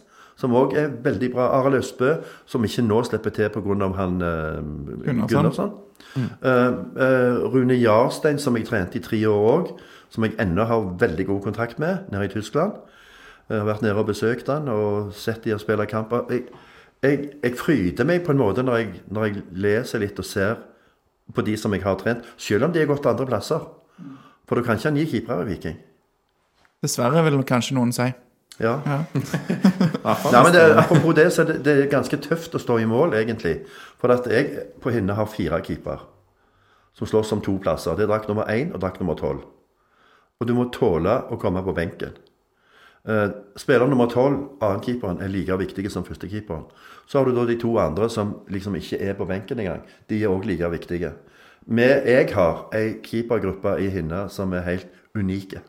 Helt fantastiske. Eh, så har vi to juniorer som banker på. Eh, og når jeg sier jeg har fire keepere til andre, så sier de du har ikke det i fjerdedivisjon. Jo. Ja, Men hva sier de som ikke forstår? Nei, det, det, sånn er det. Du velger selv å stå i mål. Ja, det en, en, en sier gjerne at de som er keepere, er skrudd sammen på en litt annen måte. Ja, det var det en som sa du trenger ikke være dum for å stå i mål, men det hjelper litt. Bare én ting før, eh, før vi går litt videre. Da. Så du, tok, du sa, når du fortalte til tiendeklassen din, eh, så sa du at det var som å være eh, lærer for verdens eldste tiendeklasse. Eller ungdomsskoleklasse. Eh, Altså det å være keepertrener slash reiseleder i Viking. Ja. Og da har vi fått et spørsmål fra en som kaller seg for læreren fra Madla. Eh, han, skriver, han skriver 'du er lærer, og det er jeg òg'. Eh, av ren nysgjerrighet, eh, er det noen likheter mellom det å være en god lærer for en klasse og en god trener for et lag? Ja. Ja, skal, du, skal jeg utdype det? Ja, gjerne. Nei, det er, det er klart at fotball er mye psykologi. Keeperarbeid er veldig mye psykologi. Eh, Du skal være eh, sterk psykisk for å stå i mål. For i løpet av en keeperkarriere så kommer det blemmer og drittmål. Det er garantert. Eh, Å stå foran en klasse Du har 29, 27, 30, whatever. Helt forskjellige individer. Når du står foran som en trener, altså som en hovedtrener, så har du òg ei A-gruppe 2-24 som er helt forskjellige. Som må takles på gjerne 3-24 forskjellige måter, men som samtidig skal kjøre en buss sammen. Som skal drive sammen. Alle hjulene skal fungere sammen. Og da, da er det viktig at du får alle hjulene til å fungere. Det er ikke alltid vi får til det i en klasse. Det er ikke alltid vi får til det som lærer heller. Men det er jo det som er en utfordring, da. Er du Du, fornøyd, du Lars? kan hoppe opp til, tilbake til, på skjemaet ditt igjen, Aleksander. Ja, så bra. ja, Nei, det er lov med litt eh, lærerprat. Det, det aksepterer jeg. Um, ja, nå kan du bare si Nå har vi jo spilt inn i en time og et kvarter, og jeg tror ikke vi er halvveis i spørsmålet engang. Så her må du bare si hvis du vil ha pause, eller hvis vi må, må rushe litt på, så får meg og Lars prioritere litt uh, her, Erik. Eh, Men vi kan jo ta litt spørsmål om, eh, om trener. Altså, hvem var den beste treneren du har hatt? For det var vel en rekke eh, navn innom Viking i de eh, 13 sesongene du var der. Eh, altså f f eh, det, det er veldig vanskelig å dele ut medaljer og sånt til trenere, men alle har jo sine egenskaper. Men det er jo klart det er jo klart det som Skauen gjorde for meg. Skauen har aldri stått i mål. Han har spilt midtstopper eller midtbane i sin tid på Viking og Brann da han studerte der oppe. Men det han gjorde, det eh, sammen med det som kompetansen til Sverre det gjorde at jeg ble det jeg ble. For jeg ble visstnok en brukbar keeper. Og eh, det, det begynte jo, som jeg sa, med det som Egil gjorde i Jarl da, i eh, oppveksten. Og så bygger Kjell videre på dette. En av de første treningene så kommer Kjell bort til meg så sier han jeg har hørt at du er grævla god på streken, men du er dårlig i feltet. Stemmer det? Ja, sa jeg. Det, det innrømmer jeg gjerne. Jeg er, jeg er ikke god i feltet. Og da hadde jeg allerede spilt to juniorlandskamper, eller tre. Så sier han det må vi gjøre noe med. Ja vel, sa jeg. Jeg slukte jo det meste rått av det som de sa der oppe, da. Eh, vi begynte jo treninga fem eller halv seks, så sa han da må, du, da må du komme på trening en time før de andre. Ja vel, sa jeg. Vi hadde ikke bil hjemme, så jeg tok alltid buss nummer 15 fra Hillevåg opp til Stokka. Og da måtte jeg ta den bussen en time før. Og da ble jeg beordra, eller Kjell beordra meg ut på banen, eller om vinteren på grusbane. Så slo han innlegg på meg i ca. 40 minutter. Om igjen og om igjen. Og om igjen og om igjen. Og jeg måtte rope Nå kan jeg ikke rope høyt her, men jeg måtte rope brøle høyt 'keeper' idet jeg gikk ut. Så sier jeg 'jeg kan jo ikke gjøre det, Kjell'. Jeg, altså, eh, jeg driter meg ut. Ja, hvem driter du deg ut for?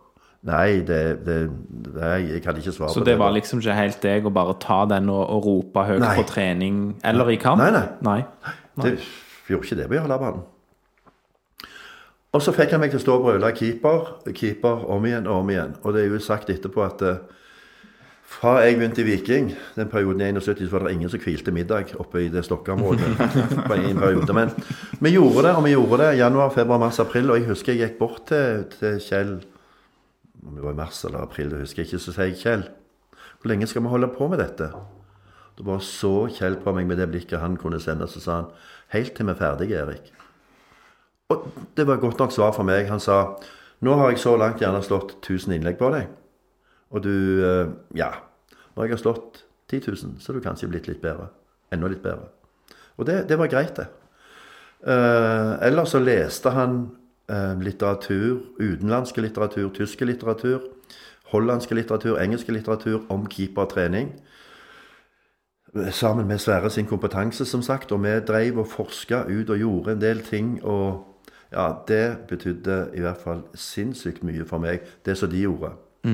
Etterpå så kom jo Tony Knapp inn på slutten av 70-tallet, som òg er en fantastisk trener på sin måte. Han kunne jo sitte, og vi kunne ligge litt, og vi tar jo det double i 79. Så kunne han se at det er noe galt, så gikk han gjerne opp på tribunen. Så kom han ned etter fem minutter så sa han, Come on boys, we have to change the system. Det var fantastisk å lese kamper og se, og se, se fotball. Altså det, jeg har jo jobbet med Åge Hareide, jeg har jobbet med Ove Røsler, og de har òg da sine, sine pre, for å si det sånn. Men jeg må vel si at Skauen er den som Hvis det skulle blitt delt ut noen medaljer Jeg har jo òg trent med Benny, da, eller vært keepertrener for Benny. Men jeg tror ikke jeg hadde gitt den til Skauen. Og han eh, var jo, som du allerede nevnte, da han spilte i spillerkarrieren sin, så spilte han eh, i Brann. Var vel òg i SIF, lurer jeg på, for Ja. det var på 50-tallet at han var spiller, og så eh, mange år i Viking, da. Eh, og vant vel aldri, eh, i hvert fall ikke noen serietitler med Viking sjøl, Kjell Skau Andreassen, men vant med Brann. Stemmer ikke det? Det tror jeg jo. Det husker jeg ikke, men han, han, han vant jo med oss. Og, og, og det, Som trener, ja. Mm, ja, ja. Og det er jo en Når vi begynner i 71, så tar vi jo bronse. Første året mitt. da. Og det er jo stort å komme liksom langhåra jækel fra Hillevåg opp og vinne bronse første året. Men det er ikke godt nok for Kjell. Uh, så det signerer og analyserer, og uh, vi får beskjed at uh, ok, neste år må vi gå for gull. Vi må gå for å vinne. Og det gjør vi jo da, i 72. Da tar vi det første gullet. Og så slutter han. Så reiser han andre plasser, gjør andre ting, trener andre lag rundt omkring.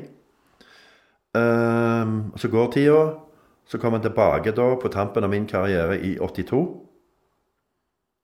Trener oss og tar gull. Og så går han.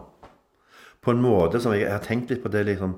Var det bare for at han skulle si OK, det går an, gutter. Nå har jeg vist det, at det, at, at det går an. For det gikk an. Sånn skal det gjøres. Ja, ikke sant? Oppskriften. For det som skjer etter 72, når Kjell, eh, når Kjell slutter I 73, 74, 75, når vi igjen tar gull, da Det er mye gullsnakk nå, men eh, Det er ikke Det er slitsomt. ja, Nei, nei jeg, jeg er stolt av det. Jeg, er, jeg har blitt uh, enda mer stolt av det nå enn jeg noen gang har vært, faktisk. Eh, og jeg, jeg tror at den grunnmuren som Kjell bygde i 72, eh, 71-72, den er med på å reise det huset som bygges i 73, 74, 75. Hadde ikke den grunnmuren blitt lagd av Kjell, så vet en jo aldri. Men jeg må jo innrømme at jeg har tenkt på det samme, eller kanskje noen av de samme tingene. For at eh, Kjell Skau Andreassen var jo god venn med Nils Arne Eggen, og var jo òg eh, trener for eh, landslaget sammen med Nils Arne Eggen. Men det at han gjorde det på den måten, da, at han var inne der i som du sier, 71-72, vinner gull 72, og er tilbake i 82, vinner gull Han virker jo som en utrolig dyktig fyr. Eh, men dette med hvor lenge han var i Viking, står jo litt i kontrast med hans gode venn Nils Arne Eggen, da, som var i Rosenborg i så mange år. Så jeg begynner jo å tenke litt sånn Hvorfor var det sånn, og hva kunne skjedd hvis han holdt på lenger som hovedtrener for Viking? Nei, Det er jo ikke sånn hypotetisk som du aldri får svar på, men når du så på Nils Arne, så ble jo det en sånn en gjenganger Altså, de tok Nå hadde jo jeg norsk rekord i gull i en periode. En lang periode. Ja, fra, eh, fra 82. Da tok jeg mitt sjette gull, og jeg var den eneste viking som Nå høres det skrytete ut, men det er Nei, kom med det. kom med det, ja. Få det ut. Um, og hadde liksom norgesrekorden da, i gåseøyne. Seks gull. OK, yes, stilig. Men du tenkte ikke så mye over det da. Jeg ga meg jo i 83, og fremdeles hadde jeg norgesrekorden. Men den falt jo når Rosenborg begynte med Ja, nå vet ikke jeg hvor mange de tok på rad, men det var sånn uhorvelig. Altså, jeg så bare hvordan jeg forsvant nedover på den der lista over folk som hadde tatt mange gullmedaljer. For Rosenborg overtok jo hele hegemoniet med hjelp av Nils Arne, da. Og Nils og Kjell de funka jo fantastisk godt sammen. Uh, på både ungdomslandslaget og på landslaget. Vi hadde et fantastisk ungdomslandslag som de trente, og vi hadde et bra landslag òg, som jeg fikk være med på i noen få landskamper. da. Og De var gode venner og var trenere for A-landslaget sammen i 74 til 77. Um, men um, ja, dere vant altså. Tok bronse i 71 og gull i 72. Ja, jeg ser et mønster her. Du ser et mønster. Du husker hva Viking gjorde i 2021, Lars? Husker fra Ja. 2021, så det kan jo eh, Ja. Det var det med den lukta, da, ikke sant? Ja, sant. Det er et eller annet i lufta. Men, men bare du, du sier sjøl at du er stolt av, av dette her.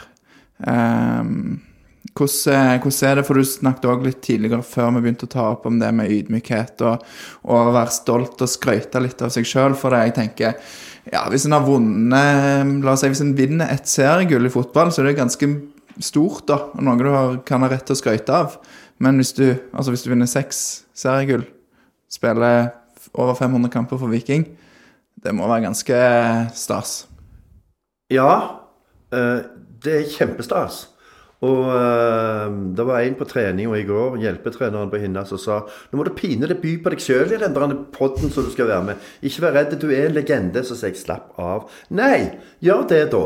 Og det er klart at eh, etter, etter det med den boka kom ut, og mye folk kom hjem og vi har snakket med, så liksom går det gjerne Det har gått mer og mer opp for meg. Ja, herregud, men jeg, jeg jeg var med på mye. Jeg var heldig og slash god da, som fikk være med på dette. Og jeg er grævlig stolt av det. Jeg er grævlig stolt av å bli kåret eller bli utnevnt som æresmedlem i klubben, for det er ikke så mange som blir det. Jeg er grævlig stolt over å ha fått spilt 501 kamper og tatt seks gull og vunnet en cupfinale. Så liksom Akkurat når det skjedde, så, så vi var jeg føler på en måte vi var litt sånn ydmyke. OK, og gull i år igjen. Yes, oh! Og så ble det gull igjen. Ja da! Nå er det nummer tre nummer fire. Og så blåser det opp i aviser. Og så ligger det litt der. Men, men eh, ja, jo, nei. I den senere tid så har jeg blitt enda mer stolt enn det jeg noen gang har vært. Det, ja.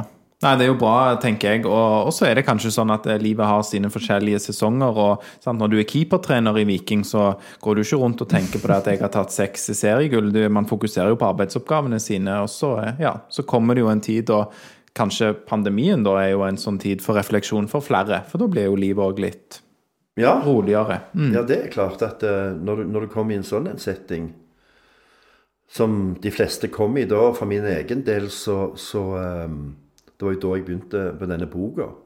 Altså, jeg hadde plutselig en dag så stengte Hinna fotball. Uh, dagen etterpå så fikk jeg beskjed av Kristian Lust vi tar ikke inn vikarer lenger. Og da satt jeg der, så tenkte jeg ja da, Johannes, nå er du pensjonist med opprykk. Hva skal du nå gjøre? Så tenkte jeg, kan ikke vaske klær og gulv og skifte bassengene hver dag. Uh, og jeg snakket litt med jentene mine, så sa de bare stæsj opp kjellerstua, lag deg en mancave, heng opp ting og tang så du har medaljer og sånt. Og så sier jeg, men det blir litt sånn, sånn skøyte greier. Og så sier de, men herregud, pappa, hva har du gjort i livet ditt, bortsett fra å få unger og være lærer? Nei, det er jo fotball, da. Ja, men så gjør det, da. Så gjorde jeg det, og så var det gjort på 14 dager. Og så satt jeg der igjen, og så begynte jeg å mimre litt og bla litt i utklippsbøker som mor mi i sin tid hadde lagd, og jeg sjøl hadde lagd. Og, og så ble det til slutt ei bok, da. Og den reisen, som de kaller det, det som jeg gjorde, er jeg veldig glad for at jeg har gjort. Truffet veldig, veldig mye folk som har vært hjemme hos meg og kommet og kjøpt bok. og første, første dagene etter jeg ga den ut, var helt unik. Altså, jeg, jeg satt med kjellerdøra åpen 14 dager på rad. Folk kom inn og lurte på hva som skjer her. Nei, ok, kom inn, og det var ti Vi hadde ikke være mer enn, lov å være mer enn 10, 11 eller 12 eller hva det var. Så jeg måtte begynne å telle folk. Så, Men det har vært helt fantastisk.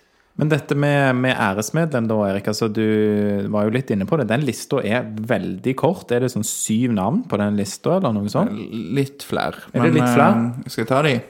Ja, eller jeg vet ikke hvor mange det er, Lars. Jeg trodde det var syv. Jeg, men... Fem, seks, syv, åtte, ni, ti, elleve, tolv, 13, 14, 15. Ja, det var kort, i hvert fall. Jeg har sikkert sett en ikke-komplett liste, men Og dette er fra 1899 til i dag. til i dag, ja. Det er ikke mange. Nei, og det er jo en, en del av de som naturlig nok har falt ifra. Så det er ikke så mange som er igjen av de 15. Nei, Du har vel Ole Rugland, faktisk. Ehm, Arne Johannessen. Uh, hvem? Skal vi se. Johannessen. Ja, du, ja. Ja, nei, Arne Johannessen òg står vel som æresmedlem, går jeg ut fra. Der, ja. Ja, stemmer.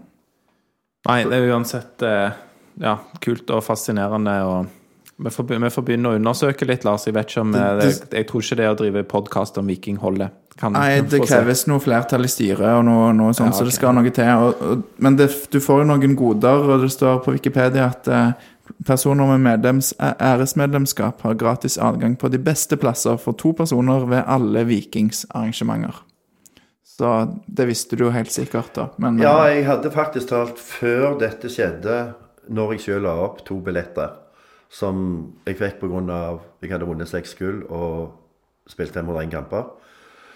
Hadde jeg to billetter da, som, jeg kunne, som var på ja, spesielle plasser. Men de var personlige. Jeg kunne ikke, jeg kunne ikke lånt de til dere to, for å si det sånn. Nei, det var det vi håpte, men OK, da. Det Og jeg kunne ikke låne de til døtrene mine. Jeg måtte være, gå sjøl, da. Men uh, nå fikk jeg høre, nylig faktisk, at jeg har to resten av livet. Så de får jeg prøve å benytte så mye som jeg kan. Må innrømme det at jeg travgår ikke på Viking stadion, for at eh, Viking spiller ofte sine hjemmekamper når vi trener på Hinna. Og da er det jo snakk om å prioritere Jeg har jo Jeg er jo ansatt i gåseøyne i Hinna. Får jo litt uh, godt gjersle, sa han, sa han bugjeren for, det, for dette, så Men uh, jeg kommer nok til å gå mye mer på stadion når, når tida tillater det, da. Det er jo det med å Ja, med timingen som du er inne på, da, men eh, det er en uh, Trenergjerningen er jo fortsatt der for din del, så da er det, Det er ja. heldigvis. Yes. Eh, Lars lurer på om jeg skal stryke et spørsmål, men jeg har litt lyst til å ta det. Så jeg tar det veldig fint at du sier det. Sånn, Ja. eh, Veldig kjekt for folk å høre på, Aleksander. Nei, vi bare ser, vi ser litt på tida, da. Men Jeg hadde jo merket, Hvis du bare hadde tatt det, så ville jeg jo merka det. Så Ja, hadde nei, jeg skjønt kom- at du svarte. det. Ja. Men eh, vi snakker litt mer om det? Nei. Dette, nå tar jeg spørsmålet, Lars. Dette med å eh, spille ut bakfra er bare en ting som jeg har bitt meg litt merke i. For det vet jeg at var noe på, tidlig på 70-tallet, som igjen Kjell Skau Andreassen var veldig på at dere skulle spille ut bakfra. Du som keeper skulle starte spillet på back, gjerne da på, eh, på Sigbjørn Slinning, som allerede har, eh, har nevnt. Eh, hvor, hvor banebrytende var, var dette? Har du noe idé om det, Ja. Erik? Det tror jeg, for at eh, Kjell, Kjell var jo der. Han hadde jo studert i utlandet og bla, bla, bla. bla, og Vi får beskjed Sverre Andersen har da spilt i en mannsalder fotball og spent ballen langt over banen. Sant? Utspark. Det var langt opp på motsatt 16-meter. Eh, mens vi fikk beskjed, eller jeg fikk beskjed at vi skal starte bakfra. Skal kaste ut til bekken, som spiller inn til midtbanespilleren, som går ut, og så kommer bekken rundt. Det var det da som for mange var et helt nytt ord i norsk fotball. Overlaps, eller overlapping. Og det hadde veldig få sett før. Og jeg lurer på om det var Vålerengen vi spilte ut i 71 så totalt med å gjøre det.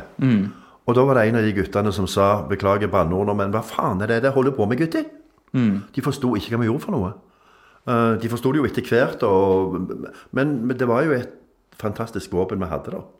For, for det kom uventa på folk. Og så kunne vi ha perioder der vi ikke gjorde det. Men jeg husker òg en episode fra gamle Stavanger stadion der jeg ikke spente ballen ut. Der det var én på tribunen som jeg fikk vite hvem var etterpå, som brølte høyt. Som alle hørte, for det var litt rolig da. Så brølte han høyt 'Spill ballen ut, din langhåra jækel!' Sant? For det hadde Sverre gjort i mange mange år før han da. Eh, Han snakket jeg faktisk med eh, ved en gitt anledning. Og det ble bare lott og løye ut av det. Ja, okay. Men jeg, sa, jeg satt på tribunen faktisk, så jeg, så jeg sa til han For jeg hadde en skade i ryggen. Så sa jeg så det var du som skjelte meg ut her. Uh, ja, nei, sånn, nå skal du høre. Og, men vi fant tonen. Hvor mange gull har du? Eh, ja. Ehm, dere spilte jo litt eh, i Europa, Erik. Em, kunne sikkert hatt masse uh, om dette, men det er en som jeg har funnet som jeg, en historie som jeg ville høre. Og da sier jeg 1975 og Brussel. Vet du hva jeg sikter til, til da? Ja. Molenbeek het plassen. En liten by ut forbi Brussel. Laget heter RVD Molenbeek, uh, som uh, vi traff, trakk Det var et av de et av de få lagene vi trakk eller ble satt opp mot i Europacupen som ikke lå i gamle Øst-Europa. For ellers var vi gjengangere nede i, Jugoslavia, følte jeg, og Russland og Jerevan. Men eh, Jeg husker ikke helt resultatet. Men det var en sånn en, en bane da, der folk sto veldig tett innpå. Og det var en sånn kamp som jeg elsket. Høst, litt glatt, flomlys, gode stemning. Det var vel ca. 20 000. Jeg tror ikke han tok mer den banen. da. Men Molenbeek de hadde jo da blitt seriemester i Belgia året før. Derfor spilte de i den europacupen. Um, og jeg er nede og redder og slipper inn mål. Jeg lurer på om stillingen var 2-1 til de eller 2-2. Jeg er veldig usikker på det, men folk står bak helt tett inntil. Og plutselig så kjenner jeg det blir veldig kaldt oppetter ryggen. Altså oppover ryggen. Det er jo en høstkveld, dette her. og og, men OK, jeg fortsatte, og så begynte folk bak tribunen liksom å plystre sånn. Sånn som du gjorde etter jentene i gamle dager.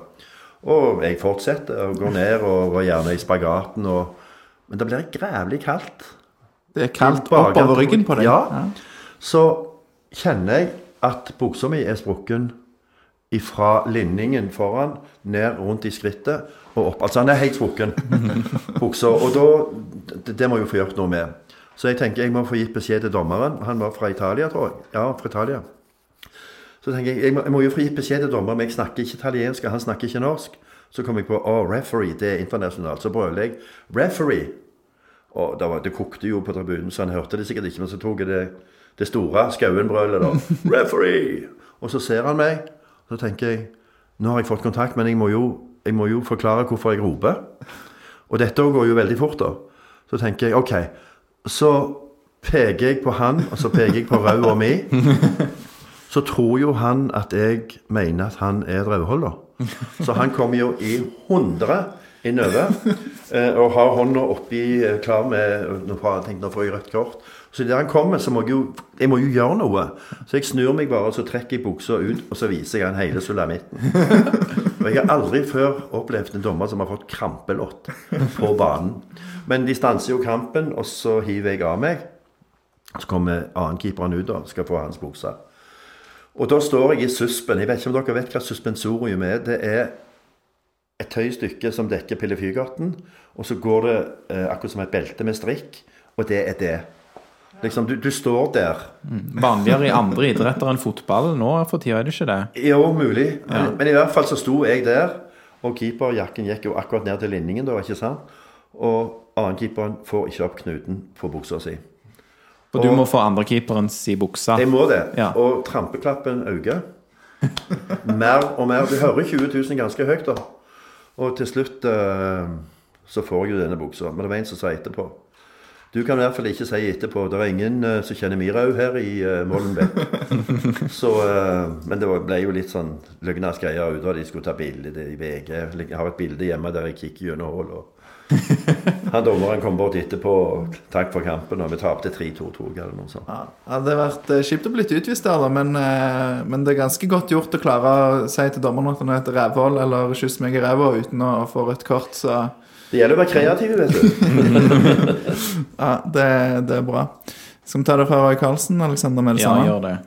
Eh, Roy Karlsen på Twitter, han, du nevnte denne, dette sjøl. Eh, han ber deg fortelle litt om europacupturen til Jerevan, både på og utenfor banen. Ja, det er jo For de som ikke vet det, Lars, hvor er Jerevan? Ja, Erik. Det er i Armenia. er Ja. Armenia. Ja. Og eh, ting og tang har jo forandra seg. Det har jo vært jordskjelv der nede, vet jeg, og den banen som vi spilte på, er gått i sluket òg. Men vi skulle jo ned dit, da. Og eh, du, du reiser jo til en helt annen verdensdel. Du reiser jo til over Kaukasus og ned mot Tyrkia. Eh, de var først her, tror jeg, faktisk, og bodde på Alstor. Hadde et kjempehotell i den tida da. og Vi skal motsatt. Når vi reiser Stavanger, Oslo, Oslo, Helsingfors, Helsingfors, Moskva, så har vi kommet halvveis.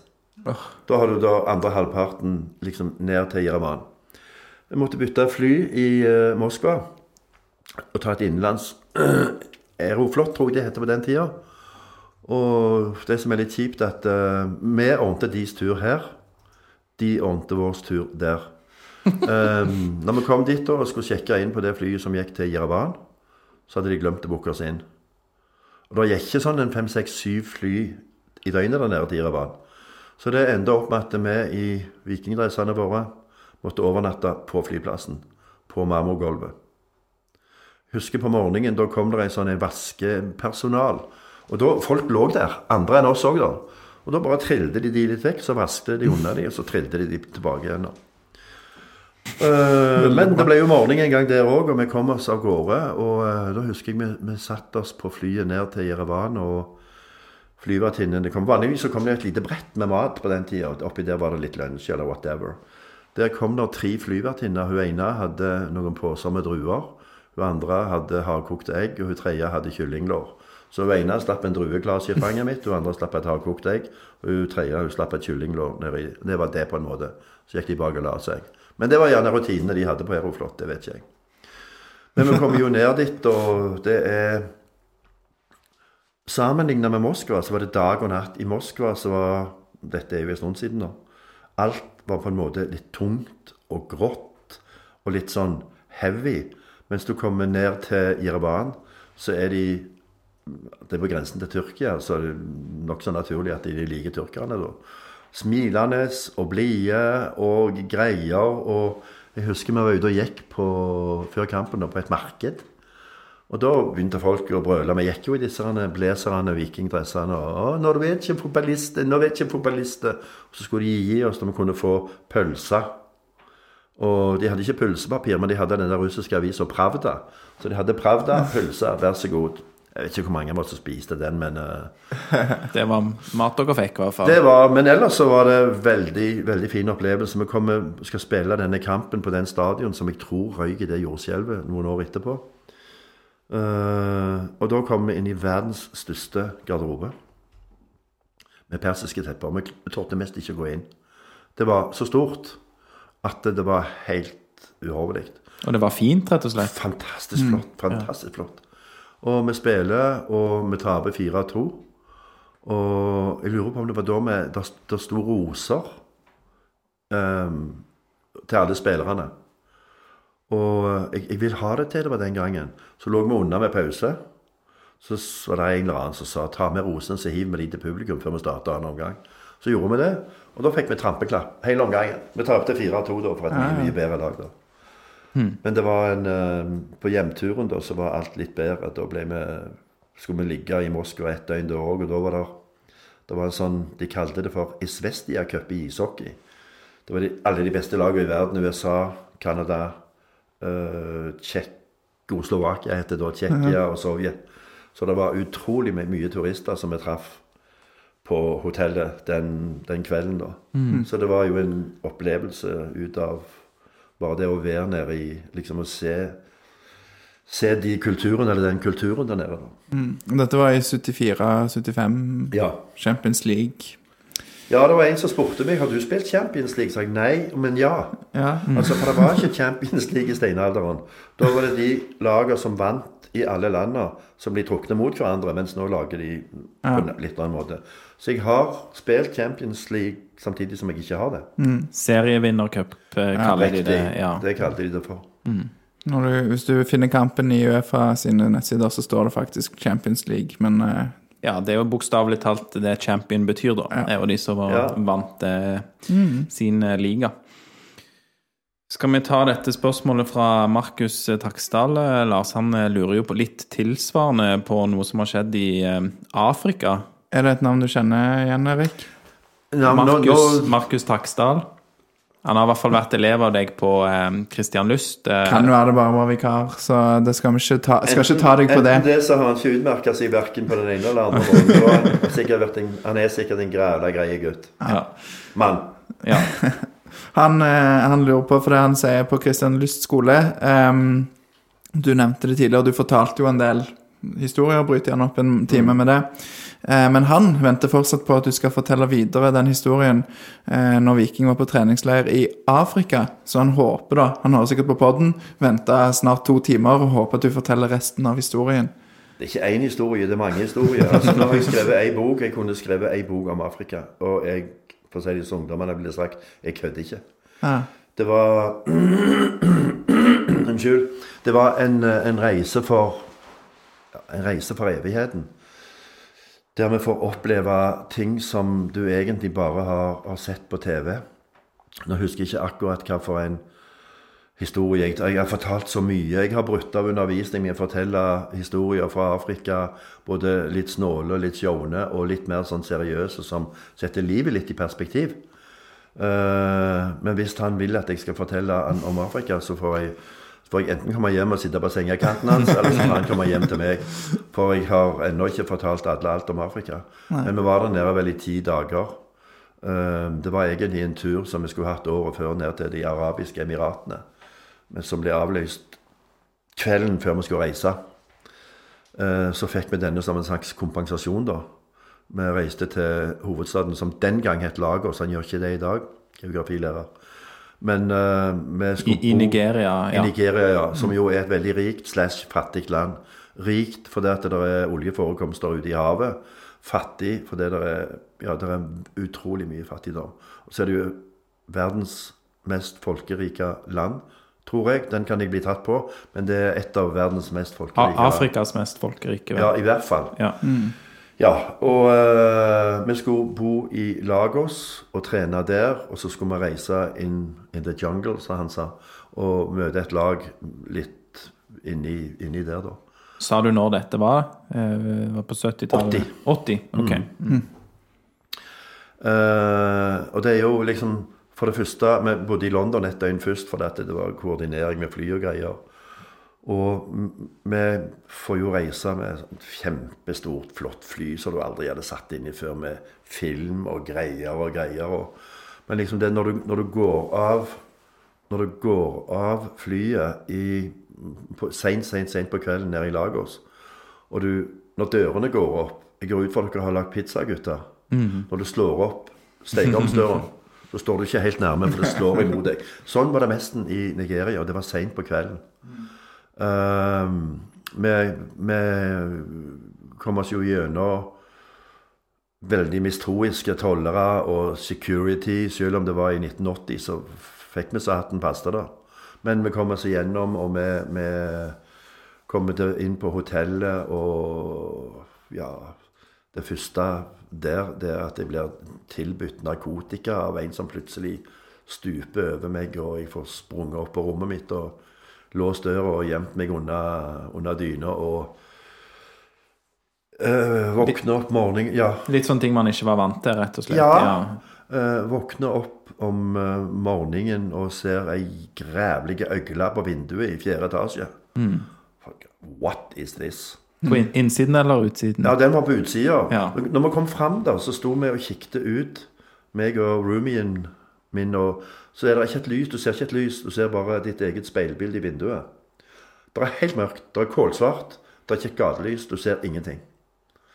Så sa jeg til kompisen min da at vi vet jo ikke hva som er der ute. Det kan være løver og tigrer og krokopanter og all slags. Vi vet jo ikke før i morgen. Og så våkner vi opp morgenen, da, og så står det ei svær øgle på ruta. Det var bare igjen med gardinene, og så var det ned og skulle spise frokost. Og der ser vi jo at disse øglene de har jo familiesammenkomst rundt bassenget. da. Og så spurte jeg en av disse kelnerne hva What is this? Oh, the geckos. Så var det sånne uh, da, som gikk rundt og spiste insekter. For han spurte Do you want me to get one for you? Nei, nei, nei, nei, nei, ta heller speilet, jeg. Um, så var de der ute. Når vi kom, så stakk de. Men de gikk rundt og, og spiste insekter som gjorde at alt var, alt var Ja. klart for oss. da. Eh, Men vi så jo utrolig mye oh, fattigdom. Vi, vi skulle kjøre og spille kamp mot Green Eagles, som er landslaget deres, på et kjempestadion. Stort. Alt var fint, men det var ikke vann i dusjen. Og det er 40 varmegrader, og skyggen var rett under deg, for at du er jo med ekvator da. Og på veien inn, der kom et sinnssykt regnvær. Og da kjørte vi, det var et stykke å kjøre da, forbi sånne motorveier som ligger på en måte over hverandre. Under de underste kom der ut folk som bare sto der og vasket seg, altså nakne. Ja. Altså, de, de bodde der, de. I pappesker eller bølgeblikk. Og nå fikk de muligheten til hygiene. Og uh, hadde sikkert ikke sjampo og såpe, men de vrastet seg da. Og med en gang når vi nærmte oss dette stadionanlegget, og bussen gikk roligere, så gikk der øh, folk langs etter og skulle selge, da. Altså, vi hadde med oss en guide eller en tolk fra London, og han mente dette var både selgere og prostituerte som på en måte skulle, skulle øh, prøve å tjene noen, noen slanter. Eh, stadion var fantastisk, men som sagt, det mangla det mangla vann i dusjen. Og vi ble jo rundspilt av Green Eagles, og det var så varmt. Og så måtte jeg stå i mål i lange bukser for at vi fikk beskjed av legen at bakteriefloraen i Nigeria er en helt annen enn det den er i Norge. Så hvis dere slenger dere, og det gjør dere jo mye, eh, så kan dere være litt preventive og ha på dere lange bukser, så slipper dere de skrubbsårene. Så jeg sto i mål i lange, gule bukser, husker jeg. Jeg hadde bytta den til meg fra han som sto eh, i mål på Manglerudstad, han ishockeykeeperen som jeg snakket om. ja. Um, og jeg husker jeg fikk Det var en svær pytt foran mål. Og så fikk jeg et tilbakespill fra Bjarne Berntsen. Så når han, slår, når han slår den, så treffer han putten. Og da akselererer jeg, får jo ballen en kjempefart. Så går han mellom beina mine og 1-0. Og da fikk jeg trampeklapp fra 40 000 innfødte. Litt av en opplevelse. I pausen så er jeg så dizzy. Jeg, så, altså jeg har hatt så mye å gjøre at eh, jeg går nesten feil vei. Eh, De klarer å lose meg inn da, i garderoben. Og så er det jo ikke vann. Det eneste vi har, det er lunken cola. Eh, Så guttene eller apparatet hiver jo Jeg hadde jo langt hår, da. Cola i hodet på meg for å kjøle meg ned med lunken cola. Det som er når cola kommer i forbindelse med svette, så blir du nokså stiv, så jeg kom jo ut med rasta da i annen omgang. Men vi, det var et veldig godt lag vi spilte mot, og så reiste vi da inn i, inn i landet og spilte mot Jeg tror de Benin het det der. Bendel State Insurance Company. Det var et lag som spilte inn i den byen der, da. Og der traff vi faktisk noen folk fra Ålesund s- som, eh, som drev med fiskeforedling. De, de bodde der inne, og så var de på jobb ute i havet. Eh, to uker, så kom de hjem. Og de hadde et kjempehus. De hentet oss med limousiner. Og det som var litt snålt, da Når vi kjørte tilbake igjen, så fikk den som satt i framsetet ved siden av sjåføren, fikk seks sånne miniatyrflasker. eh, Gin, vodka, whisky og greier. Så sa han når dere skal hjem nå på kvelden, så blir dere stanset seks ganger med seks sånne veibommer. Hvis dere stikker ut ei sånn flaske, altså Så er det OK, go. Og så Hver bil gjorde jo det. og så Hver bom fikk jo seks sånne miniatyrflasker, for det var seks biler. Hvis dere ikke har noe å gi til dem, så stanser de bilen og så endevender de den. ja. Men vi hadde det med sko, så vi kom oss trygt hjem. da. Ja, herremann. Ja, det var ehm, Og dette er bare en brøkdel. Mm. Men var dette bare rett og slett Det var en slags sånn der teambuilding slash preseason eh, ja, treningskamper for opplevelsen òg, da? Ja, Ja. eh, Det, var, det var jo en substitutt for den turen som gikk glipp av året før, da, men som treningsleir. Etter den kampen som vi spilte, så sier Tony Knapp you can have, have a day off, eller a night off. Men det var jo ingen som torde å gå ut. Det var sånn en sinnssyk kriminalitet. Jeg satt og kikte rett framfor meg. Jeg var totalt dehydrerte. Og jeg satt og kikte på en halvliter i to timer, rett opp og ned. Så fikk jeg i meg noe cola eller hva det var, så gikk jeg og la meg. Det var farlig. Ja. Det er ikke plassen for å Nei, det var, men, men det var en opplevelse, altså. Og, og, og alt dette. Jeg tror med oss fotballspillere, som gjerne kan være litt blaserte, så hadde vi veldig godt av å se denne fattigdommen. Se hva de ikke hadde. Det var en som fulgte med oss når vi trente, en som det viste seg skulle bli keeper, som ikke hadde noen ting. Han ga jeg noe utstyr før jeg reiste hjem. Og et så takknemlig blikk Han har jo aldri sett keeperhansker før. Han har sikkert aldri sett De, de spilte barbeinte. Fikk fotballskoene mine, keeperhanskene, keepertrøya mi. Han ville bli proff, sa han til meg på engelsk. Ja. Så han skulka skolen for å være og se på oss. Ja. Uh, om han ble proff, det vet ikke jeg, men det var godt å gjøre det. For meg så kosta det ingenting. Jeg kom hjem til Stavanger og sa Viking, jeg må ha nytt utstyr. Jeg har gitt meg vekk til en i Nigeria. ja.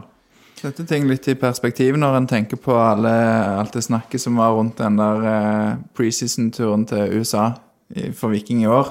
Og liksom, og det var, eh, de måtte vanne banen med brannslange, og det var liksom sånn, sånn småting som eh, når du ser opp mot dette, da, så er det jo Ja, fattigdom i USA i dag igjen, og det kan man jo finne overalt, men det her er sant i 1980 og høres jo ekstremt ut. Og man kan sikkert oppleve mye av det samme i dag i Nigeria. Det kan du helt garantert. Og vi fikk jo altså Det, det gjorde veldig inntrykk. Det gjorde veldig inntrykk på oss. Uh, I eh, 2000 Nei, 20, jeg begynte jo i 2007.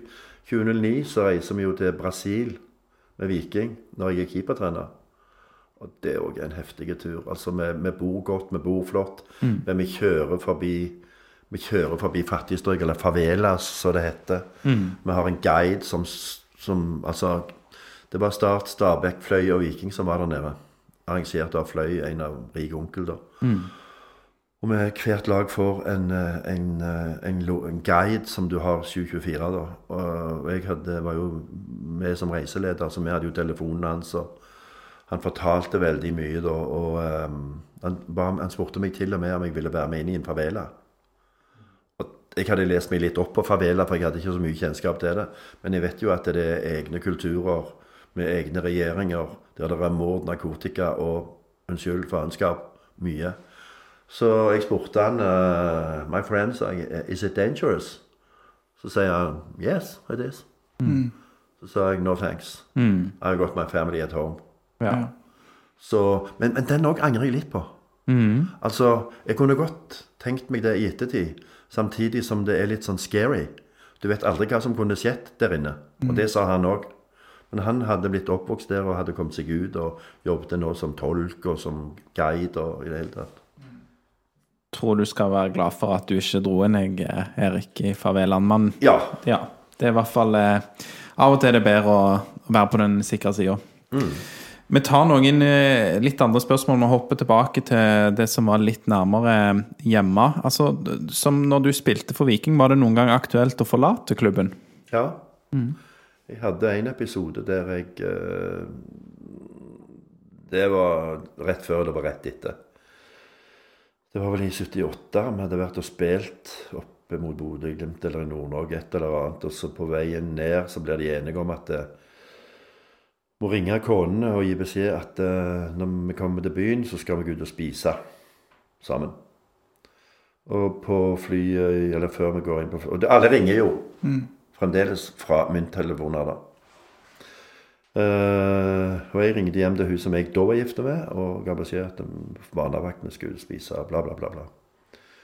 På flyet så kommer Tony bort til meg og sier han, Eric, you don't fucking go out because saying, Why because? That's because you are playing the semi-final against Brann in Bergen on Wednesday. Vi skal spille semifinale mot Brann.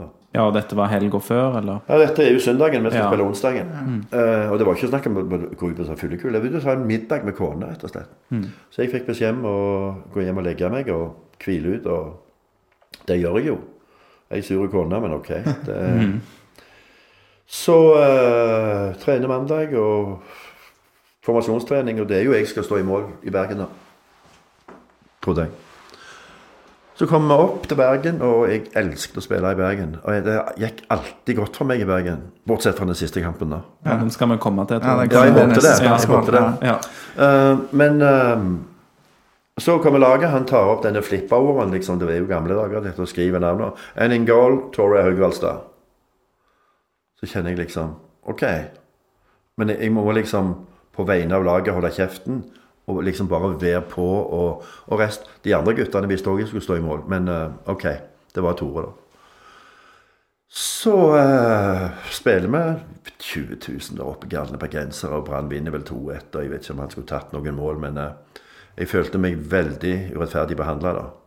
Så jeg oppsøkte han dagen etterpå og sa akkurat hva jeg mente. Det medførte faktisk at jeg fikk en bot, tror jeg. For at jeg var så rett fram og sa at dette går Ja, jeg trenger ikke gjenta det jeg sa, jeg sa til Tony da, men jeg sa veldig tydelig hva jeg mente, og det kom litt ut i avisen òg. Da ringte Ivar Hoff, som da var trener for Brann. Han er jo, Dere vet hvem han er? Ja. Så han satt i studio og vært. Han ringte og sa ja, du er litt på kant med Viking, Erik. Er du interessert i Brann? Så sa jeg akkurat da ja. Så vi avtalte et møte. Og det møtet sa han vi må ha det en plass der det ikke kommer noe TV og greier. og greier. Og ja, sa jeg, vet du hva. Vi kan møtes ute på Skei motell på, Man på Grandal. Det ligger ut forbi Sandnes. Der er det aldri noe folk. Der er vi, liksom, kan vi være oss, da. Jo, ja, greit, det er Skei motell. Og så kommer vi ut, eller jeg kommer meg ut, og så er det jo lys og TV og Ivar. Hei, hei, hei. vinker og så. Fader, i hvert fall, vi skulle jo være alene. Nei, jeg syns det ble litt stusslig, så jeg ringte VG, jeg. Altså. Nei. men, vi, men det gjorde ingenting. Men da hadde vi en prat, og Brann hadde skissert en plan for meg og hun som jeg da var gift med. Som gikk på skole, jeg var lærer, bla, bla, bla. Og kom til Bergen. Og da sa bare Viking én ting, at dette har ikke Brann råd til. Uansett hva Brann sier, så er ingenting nytta. Så det ble jo øh. Det ble jo klubba ned. Men i etterkant er jeg jo veldig glad av det, for i 79 så tar vi jo det dobbelt. Så ingenting vondt Nei, ingenting er så galt at det ikke er godt for noe. Så eh, det, det, det lugna ned seg. ikke sant? Det var slutt på sesongen, og så hiver du av den ryggsekken. Ikke, nytter ikke å gå og dra på dette her. Uh, men jeg treffer jo Tony Knapp, det vil si nå eh, er han blitt veldig gammel og bor på en institusjon, men når jeg traff han på Jørpeland, for han er jo gift med meg på Jørpeland, og jeg har hytta på Oanes Og hvis jeg begynte å snakke om dette her greiene liksom, oh, yeah, I remember this eh, Så sier jeg til han Oh, it, så sier Tony bare No, it never happened. så han ville aldri innrømme det, da, men Nei. vi er like gode venner. Jeg var besøkt han nå for to måneder siden. Ja, så bra. Ja, han er godt opp i 80-årene, er han ikke det? Det er han. Ja. Det er bra. Men eh, du, var jo inne på ja, eh, altså Dette var i 1978, bortekamp mot Brann. Du får ikke stå, og så går det fem år, og da har du bestemt deg for at du skal legge opp da med 1983. Ja. Eh, og du Ja, det blir en god kamp på Stavanger stadion før du skal spille din aller siste kamp, da, Ja. borte mot Brann i Bergen. Ehm, ja, det, altså Hvordan gikk det? Vi kan jo begynne der. eh. Nei, For det første så er det jo veldig stas da å spille sin kamp nummer 500 på hjemmebane mot Bryne. Vinne 1-0 og få 9 på VG-børsen. Skal ikke alltid se på VG-børsen, men de har litt peiling, de journalistene. Så det var stas. Og vi har jo bestemt pga. Eh, familiære situasjoner at vi var gift vi skulle studere i Glasgow. Og ja, OK, nå var det hennes tur til å få lov å gjøre. Utvikle seg. Og det er fair enough. Og jeg gleda jo av meg til å dra til Bergen og avslutte med stil, for dette der oppe hadde det hadde, Det gikk Jeg vet ikke hvorfor. Men det var sånn de bergenserne sa i en periode Og nå kommer han helvetes Johannessen. Ikke sant? Et år så spilte vi Det var 0-0. Og jeg hadde den dagen da jeg tok alt. Så får de straffe meg et kvarter igjen, så tenker jeg å, fy fager. Så kjipt å slippe inn mål nå helt på tampen. Altså, jeg har holdt nullen hele veien. Hva Skal jeg gå til høyre, eller skal jeg gå til venstre? Dette skjer jo òg veldig fort. da. Du må ta et valg. Det var ingen som var dumme og spilte panenka da, midt i mål. Ingen gjorde det. Nei. Så tenker jeg jeg er gift med datter til ordføreren. Han er høyre, jeg går til høyre. Så går jeg til høyre, der kommer ballen. Jeg holder den. Da reiser 17 000 bergensere seg og klapper. Ja. Vanligvis er det nå i dag, bu, ikke sant? Men da reiser 17 000 bergensere seg. Jeg kjenner nå òg at det beveger seg litt her. Og klapper for en idrettsprestasjon. Og det blir 0-0, da.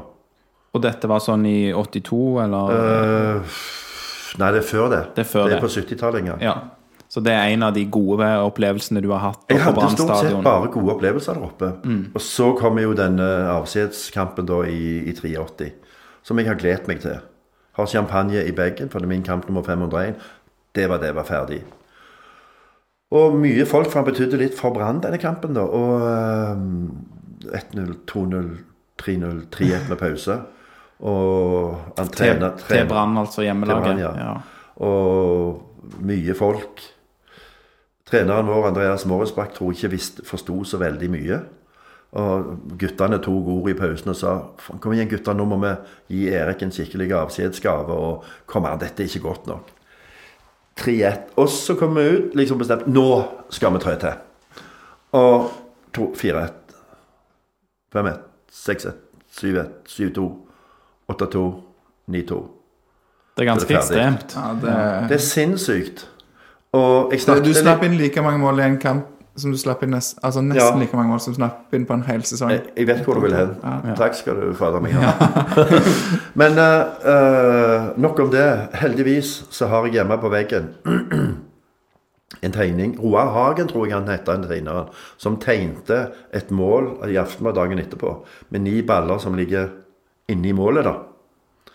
Uh, og så står det under Erik Johannessen, Vikings keeper, Vikings bestemann på Brann stadion. Det ble ni, det kunne vært 18. Og det er en sånn en Det må jeg ta vare på. Så det, det er i glass og ramme. Men, men det, er jo, det er jo kjempe altså Når Brann-guttene bar meg på gullstol etterpå Jeg klarte ikke å unngå det.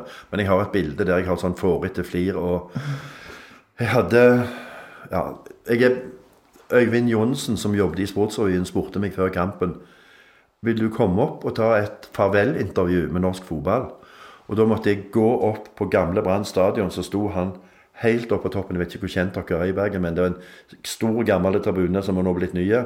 Så måtte jeg gå opp alle de trappene til Øyvind Johnsen som sto på toppen, mens tusenvis av bergensere gikk nedover på vei hjem til Kytterkagen. Og da var det en som brøla. 'Johannessen, skal du ha hyttetomt i Sandviken?'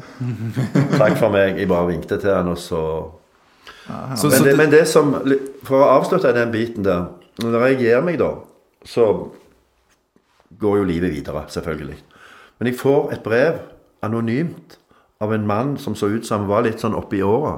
Eh, Brannpatriot, som skriver om seg sjøl kort at han er brannpatriot og bla, bla, bla. bla. Jeg vil bare få lov å takke deg for alle de fine stundene du har vist oss på Brann stadion, selv om du er mørkeblå. Uten navn. ja. Den òg er heftig. Fin. Kult. Jeg lurte på om det var litt sånn at du bare eh, Den der siste kampen, liksom, om det var bare sånn at du ville gjøre det vanskelig for lagkompisene dine som hadde sagt at de skulle vinne kampen for deg, og liksom sette dem på prøve hvor mye jeg vil gi. Men så hører jeg jo at du sier at du var den beste, så jeg vet ikke om du var skuffa over lag, lagkameraten Altså, med en gang så er jeg jo sinnssykt skuffa. Eh, og det, det skal noe til å døyve ni baklengs. Herlighet. Det er kjempekjipt. Du står jo der for å unngå sånne ting. Hadde du noen gang sluppet inn så mange før? Nei. Nei. Slapp inn mot Köln i, uh, i 72, men det var åtte, det bare. Ja, men åtte. Eh, eller jeg slapp bare inn syv, det var en annen som slapp inn åtte. Men, men liksom, du, du må bare på en måte legge avisene litt vekk. Men det var jo de som kom og sa les nå det, i hvert fall at du, du får greie kritikk her. Og jeg var jo ferdig med min karriere da. Men eh, jeg var oppe i Bergen i fjor og så Viking Brann i den Søljepitt-kampen. Ja, det var gøy. Da ringte jeg opp til keepertreneren til Brann, som jeg kjenner veldig godt. Så sier jeg kan du fikse fire, fem billetter for meg før jeg kommer opp. Så sa jeg hvorfor kommer du opp nå? Da jo, sa jeg, jeg har 38-årsjubileum. 38-årsjubileum, hva da for? Jo, for å slippe inn ni mål på Brann stadion. Hvor mange skulle du ha? sa han da. Men du angrer ikke på den gullstolen heller, som du satte deg på? Nei da, altså for seg så Svein Mathisen ville sagt, må jo ha litt show, da. Ja. Det var ingen som fikk utslett eller rykte ned. Men, og det er jo det òg, sant. Ingen hadde huska den der Altså, OK, vi taper 1-0, liksom. Ingen husker det. Men nå er det sånn, vi sitter her eh, Hvor mange år etterpå? Nå, nå er det litt seint på kvelden for meg. Sju, nei, 39 år. 39 år. Ja, jeg hadde 38-årsjubileum i fjor. Ja, Stemmer. sant, ja. Og, og så snakker vi om den kampen, og ja. Og, og så var det kanskje greit at du hadde annonsert på forhånd at du skulle legge opp, så det ikke var sånn eh, Ja, ja. Nei, nå, nå var det nok. ja da, nei, men det, det er klart at det, det er mange som har spurt Har du ikke vondt av det ennå? Så sier jeg nei, det har jeg ikke. Det gikk ikke ut over noen. Ehm, og nå Det var er det ikke din sånn feil her, på en måte. Nei, jeg kunne sikkert tatt et par av de. Jeg har hjemme ei sånn ei rame som jeg kjøpte på Ikea, som er like stor som midtsida i VG. Og der er alle ni. Jeg har tatt bilde av alle ni. sto det overskriften sa 'Dette holdt ikke'. Men det, det gjør meg ingen Altså, jeg syns det er litt show nå, da. Ja, ja. Selvfølgelig. Eh, til slutt, uh, ti av de som spiller Viking, vi har snakket om mange episoder, mange ting. Det er mange år, utrolig mye som du har tatt med deg videre. Um, trenger ikke svare kjempelangt på det, men hvis du må velge én ting, hva er ditt beste minne fra tida som spiller i Viking? Akkurat det spørsmålet fikk jeg av en elev når jeg satt leksevakt i dag på Kristianlund skole. Da er du forberedt. Det er bra. Ja. Men jeg klarte ikke å svare han veldig kort. Jeg sa eh, noe sånn som eh, Det øyeblikket når jeg satte meg ned med, mellom Reidar Goa og Sverre Andersen, når jeg torde å ta det skrittet og gå fra Jarl til Viking. Det øyeblikket når vi vant den første gullmedaljen i 1972, når dommeren blåste av 1-1 i Ro- Vi lå unna 0-1 mot Rosenborg, det ble 1-1, og vi vant. Det øyeblikket når dommeren blåser av eh, eh, på Ullevål i 1979 Hvis det går an å klone de tre øyeblikkene, så får du svar på det du spurte. Tre store øyeblikk ja, i 71, 72 og 79. Mm. Ja, det um, Nei, det er alle gode minner, og jeg er bare misunnelig på de som faktisk fikk eh, oppleve det. Det er alltid kjekt å lese om det, men det, det er jo noe annet å faktisk vært der. Ja, det er som jeg, jeg pleier å si. Altså, jeg har vært utrolig privilegerte og heldige. Og, sannsynligvis litt gode, da, som har fått vært med på denne reisen som begynte for min del i 1971, da. Pluss det som forspeilet i Jarl Hillevåg. Eh, Jeg er utrolig privilegerte som ennå får lov å holde på med fotball, selv om jeg er 70 år. Eh, Jeg hadde en prat med daglig leder i Hinna da jeg skulle skrive kontrakt for denne sesongen her. Så sier jeg til han, du er klar over at jeg er 70 år? Så svarte han, jeg ser ikke problemet. Og det går i hjertet. Eh, Jeg er utrolig privilegert, og jeg har lyst til å holde på så lenge noen kan bruke meg. Det, det tror, jeg, eh, tror jeg de setter pris på. Ja, det er jo utrolig kjekt å høre deg snakke om disse tingene, og nå, og nå var du faktisk ganske god skryte litt av deg sjøl. Du skal få en mulighet til her nå, for det, i, i VGs magasin om Viking før sesongen så er du på en åttendeplass eh, på lista over de 72 beste spillerne i Viking de siste 50 årene. Plassen foran en annen keeper med navn Erik. Eh, hva, Yes, ja, det er bra. Yes! Yes! Hva tenker du om at Vikings mestvinnende spiller ikke kommer enda høyere? Eh, ja.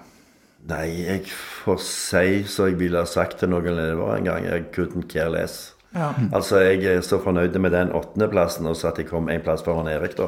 Som jo er en god venn av meg. ja Blitt, det- eller ja. Så eh, Nei, kjempehappy. Topp fem er jo for øvrig Hangeland, Magnus Svensson, Veton Brisja, Svein Kvia. Det var da fra fem oppover. Og hvem er nummer én? Hvis du skal tenke deg fram eller gjette. Nei, vet du hva, nå er jeg så tom i hodet at den klarer jeg ikke. Ja. Det er en, navn, en mann ved navn Olav. Nilsen. Ja. Ja, det, det er fortjent. Altså nå, nå er det jo mange fotballspillere jeg ikke har fått opplevd å se, men jeg fikk oppleve Olav i fem sesonger som spiller og medmenneske. Og han var unik, han var det, altså. Det var derfor de kalte han, når han ble hettende for ever, alltid Olav Viking Nilsen. Yes. Tar du over, Alex? Neste? Ja, du, nå er det um, Du har snakka mye, um, Erik Johannessen, og det setter vi veldig pris på eh, når vi har holdt på i over to timer. Det er noen spørsmål til her. Skal vi, skal vi ta noen få til? Klarer du det? Ja. ja men jeg har veldig lyst til å få med noen av de i hvert fall her. Så vi tar, går over på dette med å være keepertrener. Det er bare et par spørsmål der. Ja. Da er det Lars Aksnes. Han lurer på hva er det største keepertalentet du har trent, og om det er noen keeper som burde fått flere sjanser enn de fikk i Viking. Grævlig vanskelig spørsmål så sent på, sent på kvelden. Ja. Ehm, det største keepertalentet jeg har trent, det tror jeg må være en ung gutt i Hinna fra tre-fire år siden. Han går i første på videregående nå. Som jeg hadde en sånn liten eh, gruppe på 10-12-åringer. 10, 12 ja, nå er han 14-15. fem-seks år siden. Som jeg sa, som var i denne gruppa, det var gutter og jenter da. Vi hadde det kjempekos, og det kjekkeste var avslutningen når jeg kjøpte julekaker eller softis på sommeren og sånt. da. Han var et sånn et talent at jeg faktisk talt måtte snakke litt med foreldrene og si han kan nå akkurat så langt han vil hvis han har, får rette veiledning uh, og kommer i de rette keepertrenerhendene. Og nå snakker jeg ikke om mine, men uh, han spiller ute og var såpass gode uh, og at de valgte å la han spille ute. Helt tilfeldig så traff jeg han på Hinna i forrige uke. Han jobbet på Hinna i sånn arbeidsuke. Og jeg spurte Står du i mål? Nei. Nei vel, sier jeg, men eh, jeg står ennå ved det som jeg sa til mor og far den gangen. Jeg sa til deg. Han var et kjempetalent som uh, kunne blitt det. Men han valgte å spille ute, og det skal vi respektere. Sånn er det noen ganger. Og så er det jo de som tar steget fra utespiller til keeper og litt seinere, og som lykkes bra med det. Så man vet jo aldri. Lars Gaute Bø, f.eks., som var en habil utespiller, som ble en fantastisk keeper. Skal vi ta eh, og gå litt på eh, dette med Ja. Eh, Lars, du Ja. var jo litt inne på det med det som har stått i dette Vikingmagasinet og sånn. Ja, jeg kan jo, s- altså for det i dette magasinet, og òg i Aftenbladet, og eh, sikkert òg i boka Jeg må innrømme, jeg har ikke fått lest den ennå. Eh, Og det må du. det skal jeg. Eh, så åpner du opp om den vanskelige tiden i ja, 2009-2011. Eh, nå har vi snakka så lenge at vi skal ikke gå så mye inn på det. Så jeg vil bare befo- altså anbefale folk å lese disse sakene her. Dette Um, Vikingmagasinet som VG ga ut i år, det også, det er Ja. mye bra i det. Men det var altså da i løpet av 2011 så mister du jo kona di. Um, og bare noen måneder seinere så er du sjøl eh, døden nær, rett og slett. Faktisk talt eh, dager etterpå. Det er jo Vi har jo, eller jeg har valgt sammen med jentene mine og eldste å være åpne om dette. Det, Britt Tone, som kona mi heter, ble syk i 2009 og dør i 2011 og, mm, eh, av kreft. Og, og, og vi har valgt, jeg har valgt, å, og, snakke åpent om dette. Dette har vært terapi for meg istedenfor å gå og holde det for meg sjøl. Så har jeg hatt folk jeg kan snakke med om. Jeg kunne snakke med dere om det. Jeg kunne gå på jobben, jeg kan gå på hinna.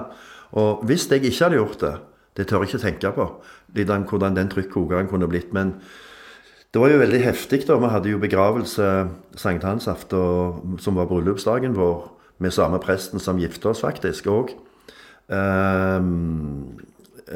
i 2011. Eh, dette er en torsdag. Mandagen Jeg jobber jo som keepertrener i Viking, da. Da skal jeg bare gjøre noen småting før jeg drar på hytta. Jentene var reist på visefestival, og så blir jeg angrepet. Jeg fortalte jo det, det føltes som om det var en trailer som traff meg. Nå har jeg aldri blitt truffet av en trailer, men det var sinnssykt vondt. Og for, uh, det var veldig mange tilfeldigheter som gjør at jeg havner i Bergen. Hadde ikke hel helikopter eh, På, syke, på sykehus i Bergen, altså. Ja. ja, Først hadde ikke helikopter vært inne her i Stavanger, så hadde dere ikke hatt meg her i dag. Da hadde jeg, eh, For det er kun i Bergen de utfører sånne operasjoner. Det var to rifter i hovedpulsåret som går ut fra hjertet. Uh, men jeg overlever jo. Uh, for det at det er en fantastisk kirurg, et fantastisk legeteam i, på Haukeland, og videre fantastiske leger her som følger meg opp. Som ennå følger meg opp, og nå er det jo over ti år siden. Men det var jo en, en, en heftig tid for eh, Spesielt for jentene mine, som akkurat hadde fått begravelse for mora. Så får de beskjed når de holder på å slå i teltplugene i Arendal at eh, dere må komme dere til Bergen for det at pappa er syk. De lurte på om jeg hadde brukket foten da, men det var alvorligere enn det. Men, men det ordner seg. Og eh, det er klart det, det er veldig tøft, da. Og da tror jeg du kan det er, mange, det, er ikke fasit på hvordan du skal løse en sånn situasjon. Når jeg kom meg på beina igjen, så ble jeg adopterte, forstår meg rett, av Hinna. De spurte om jeg ville være keepertrener i Hinna. Jeg måtte jo til legen og spørre om dette, for da var Hinna i tredjedivisjon. Det var en kollega, Jørn Øvreve, som spurte meg. Så sa jeg jeg må spørre legen, og jeg dro opp på sykehus og nevnte for legen, som da visste at jeg hadde vært i Viking. Så sier jeg kan jeg bli keepertrener nå i tredjedivisjon? Så, så ser han på meg så sier han Det kan du, Johannessen, for dere keepertrenere gjør ikke noe likevel. det skulle han ikke sagt. For vi hadde en samtale etterpå der jeg forklarte han hva keepertrenere gjør.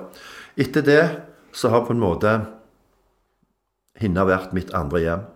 Altså Der er jeg eh, søndag kveld, mandag kveld. Tirsdag i dag har jeg fri. Onsdag, torsdag kamper. Og det å være i miljøet Det er derfor jeg sier jeg er så privilegert som får lov å holde på med det ennå. Helt fantastisk. Um, og da da en ser på en måte fotballen er så mye mer enn bare det som skjer ute på banen. Um, men du fortalte til oss før eh, vi spilte inn poden her um, Hvem var det som var til stede i tillegg til legene når du våkna på, på Haukeland? Jo da, nei, den, er, den er heftig. Det, jeg kommer jo opp til Bergen og blir operert av det fantastiske teamet. Og så blir jeg kjølt ned et par døgn for at eh, kroppsfunksjonene skal være rolige og stabile. Og når jeg våkner ehm, torsdagen, dette skjedde mandag, så vekker de meg opp. Eh, han ene legen sa vi prøvde å vekke deg på tirsdagen, Johannessen, men du var helt vill og gal, sånn som du var i feltet på stadion. Det sa han til meg etterpå. Men de vekker meg på torsdag, og da ser jeg i, de fjerne rundt meg i liksom ja, tre leger som går rundt senga mi med sånn hvite legefrakke og sånn eh, stetoskop oppi lommen. Og de går rundt og rundt senga mi. Den ene er Davy Vatne. Eh, og de går rundt og rundt, og så forsvinner Davy Vatne på en måte ut i horisonten, da. Den velkjente kirurgen Davy Ja, Vatne. jeg kaller han bare for doktor Vatne nå når jeg snakker med han. Uh, han forsvinner ut, og uh, det viser seg jo at ja, disse to som, som er leger, da, de kommer bort og spør om jeg vet hvor jeg er. Og han ene er jo eh, stadig brannpatriot. Og først han spør meg om når jeg står opp for de døde, om jeg husker Nito-kampen i Bergen. Så tenkte jeg da er jeg ikke i himmelen, jeg er ikke i helvete, jeg er i Bergen. og uh, dette med Davy Vatne ble liksom lagt dødt, da. Men så går jo tida, og jeg kommer meg på beina, så tenker jeg jeg må ringe Davy. Og det gjør jeg. Jeg ringer Davy og sier 'Hei, Davy'. 'Å, hallo, Johannessen. Er du frisk og rask?' Så sier han 'Du har vel aldri vært så rask, men du er jo frisk'. Så sier Davy 'Jeg må ha svar på et spørsmål'. Og det er Når jeg våkner på sykehuset, så går du rundt senga mi sammen med to kirurger med hvite frakke og stetoskop. Stemmer dette? Da blir det helt stilt i telefonen, og det er veldig sjelden det blir når du snakker med Davy. Og så sier han 'Johannessen, jeg er gal, men faen ikke så gal'. så det var nok en hallusinasjon, da.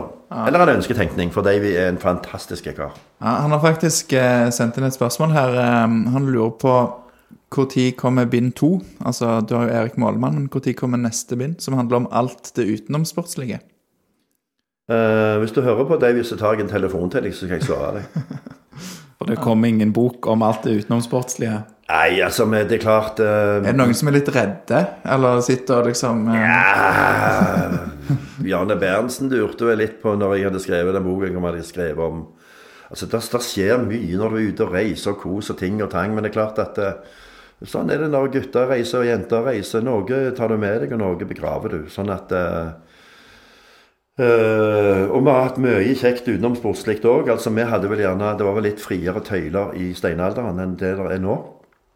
Vi kunne gå ut etterpå, og gjerne spesielt når vi treftes på uh, Fornebu, ikke, altså Gardermoen, men Fornebu, da. Så kunne det være vi traff Start. Det kunne være vi traff Brann. Så ble vi sittende under palmene der og ta en pizza og en øl og en røyk, kanskje, for de som røykte. Og sosialisere, da. Eh, så ting har jo forandret seg med tida. Men vi hadde det veldig kjekt. Jeg, eh, jeg registrerte vi hadde vært nede det var når jeg var keepertrener og tapt for Start i Kristiansand. På bussen hjem så er det helt dødt bak. Så snur jeg meg, så sitter alle med iPad, iPod, Snipp Snapp Shot eller tikk, takk, tokk eller hva farger det heter, alt i sammen. Og det er ikke en lyd. Så går jeg bak til Landu Landu og Delanli og de som satt der, så, sier jeg napper ut de pluggene. Så sier jeg Hva er det dere holder på med? Nei, de spilte, eller de kjørte musikk. Så jeg Vi må snakke sammen. Så spurte de hva gjorde dere når dere hadde tapt på bortebane når dere satt i bussen. Vi prata litt sammen. Tok en skjeve eller to. Og prøvde liksom å forskyve det. Vi var jo ikke profesjonelle med, men, men vi, vi trente mest like mye som dere. Å ja, så det gikk an, det òg. Så det er klart at eh, igjen, ting har forandra seg. Det, Det har det. Det er sikkert og visst. Um, vi nærmer oss veldig en, en avslutning nå. Eh, Vikingstatistikk på Twitter lurer på om du fortsatt har bøker igjen, og om du signerer de. Du har svart at du har bøker igjen. Signerer du òg hvis han kjøper deg i bilen? Selvfølgelig. selvfølgelig. Det, jeg har jo sagt det tidligere i programmet at hvis det er noen som ønsker bok, så ring meg, send meg en SMS. Eh, jeg har fått noen meldinger fra Nord-Norge. Eh, og, det, eh, og en melding fra Bornholm. Og da blir boka dyr når du skal sende den til Bornholm. En tidligere klassekamerat. Den boka som koster 305 kroner i bokhandelen, koster fort 600 da. Men jeg selger bøker hjemmefra eller fra bilen, eller de som ønsker å kjøpe. Hjertelig velkomne. Med signatur. Det skal jeg gjøre etterpå. Vi skal få han signert, så det gleder jeg meg til. Eh, vi er nå veldig nærme en avslutning, og det syns jeg eh, på en måte er bra. For jeg tror dette blir den lengste episoden av Vikingpodden noensinne. Så gratulerer med det, Erik. Du eh, holder god kok, og jeg skjønner nå at eh, kanskje ja, det er litt eh, eh, seigere å, og holde, holde gangen i podkasten. Iallfall er det det for meg, da. Men det jeg skulle bare si i dag, er det jo 10. mai eh, 2022. Og så har vi allerede nevnt så vidt at Erling Braut Haaland har eh, signert eh, for Manchester City, i hvert fall er det som jeg har hørt. Eh, har du spilt mot han eh, noen gang? Der kommer det. Eh, nei, jeg har ikke det. Men jeg har vært lagleder, keepertrener, mot han. Det var i 2016 eller 15 eller et eller annet i den duren der. Eh, jeg var keepertrener sammen med han Jørn Øvrebø, som jeg eh, nevnte. Han skulle til Italia på vinsmaking, kalte han det. Eh, og spurte om jeg kunne ta den kampen mot Bryne 2, da. Det var tredje divisjon på Bryne. Ja, jøss, jeg reis og smak på vin, du. Jeg skal fikse det. Og um, da spiller jeg, I boka mi har jeg kalt han for Brautungen. Jeg håper ikke han er sur for det. Men uh, han spiller da er han ikke gammel. Det kan jeg regne de som vil 14-15, whatever. altså. Jeg tror han skårer tre eller fire. Bryne leder. Vi, vi får én utvist etter et kvarter. Bryne leder 8-0 med pause. Første eneste gangen jeg aldri har visst hva jeg skal si til et lag når jeg går inn i pausen. Uh, jeg sier til han keeperen som heter Lars, så sier jeg Lars, så svarer han meg Ja, Erik, vi bytter keeper. Jeg hadde tenkt å si jeg vil ikke så vondt, Lars, nå bytter vi keeper. Eh, det var det eneste som ble sagt. Ellers ble det ikke sagt så mye i pausen. 0-8, og vi taper 12-0. Og da har jo far til Brauten, gamle Haaland sjøl, en kommentar jeg sitter 12-0. Det, det, det er gale. Og litt av Brautungen med fire mål, da. Eh, Så sitter jeg og pakker ut forbi garderoben og hiver oppi på skitne drakter. Og da kommer de forbi, og han Braut-sjefen sjøl ser på meg, så sier han kynisk, kaldt og brutalt Ja ja, Johannessen. Hva var det som gikk galt i dag, da? Da hadde jeg lyst til å svare, jeg sa, men jeg sa bare tusen takk for kampen og lykke til videre. Det er kanskje greit, og det har gått, eh, gått greit videre. Men han var god i den alderen òg. Fantastisk. altså Det er jo det å lese og følge med på han. Det har jo vært som et eventyr fra Asbjørnsen og Moe.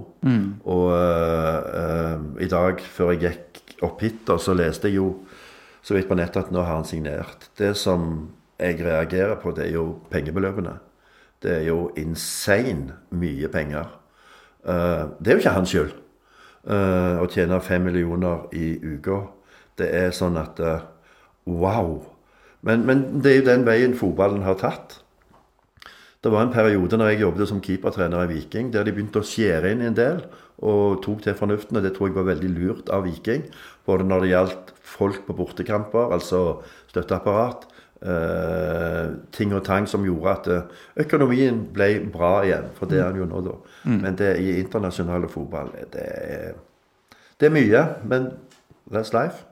Jeg håpte jo han skulle gjøre noe litt mer sjarmerende og signere for Leeds eller noe sånt, som et annet lag han eh, eh, holder litt med, har jeg skjønt. Men eh, sånn ble det ikke. Så ja, mye, mye penger som du er inne på der, og kanskje ikke, syns jeg, da det mest sjarmerende fotballaget, eh, Manchester City. Men eh, ja, nå får jeg sikkert noen på nakken som er glad i de. Helt garantert. Men eh, det, nå er det bare ett spørsmål igjen til deg, Erik. Men før vi tar det, skal jeg bare si at Geir Ralle på Facebook han sier Erik Målmann, Viking, etter min mening Norges beste keeper. Alltid med full kontroll, og husker godt han skrek ut til medspillere om posisjoner på banen. En alle tider spiller på alle måter. Heia Erik Målmann, Viking. Da takker jeg Ralle. for de fine ordene. Og så er, får du det siste spørsmålet. Hva er det beste med fotball? Samhold og kjærlighet til hverandre.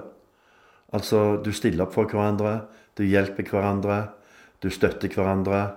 Du er Nå må jeg passe uttrykket. Du er veldig pissed av og til. Eh, men du ordner alltid opp i situasjoner. Eh, det kan være små bagateller. Men, men du er der alltid for hverandre. Altså eh, Tre poeng i fotball i mitt hode består ikke bare av to ganger 47 minutter.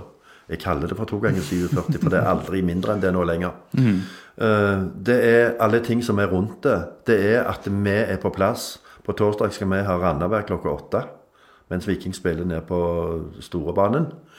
Eh, At jeg er på plass der når klokka er fire og gjør klar garderoben og lager frukt og lager kaffe til spillerne.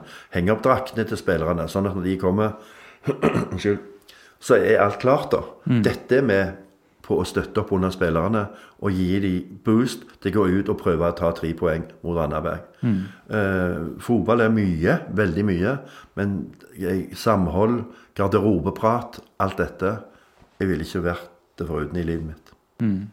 Veldig eh, godt svar. Gode avsluttende ord. Um, da tror jeg vi sier tusen takk for at du har vært med oss i to og en halv time Yes. i Vikingpodden. Ok?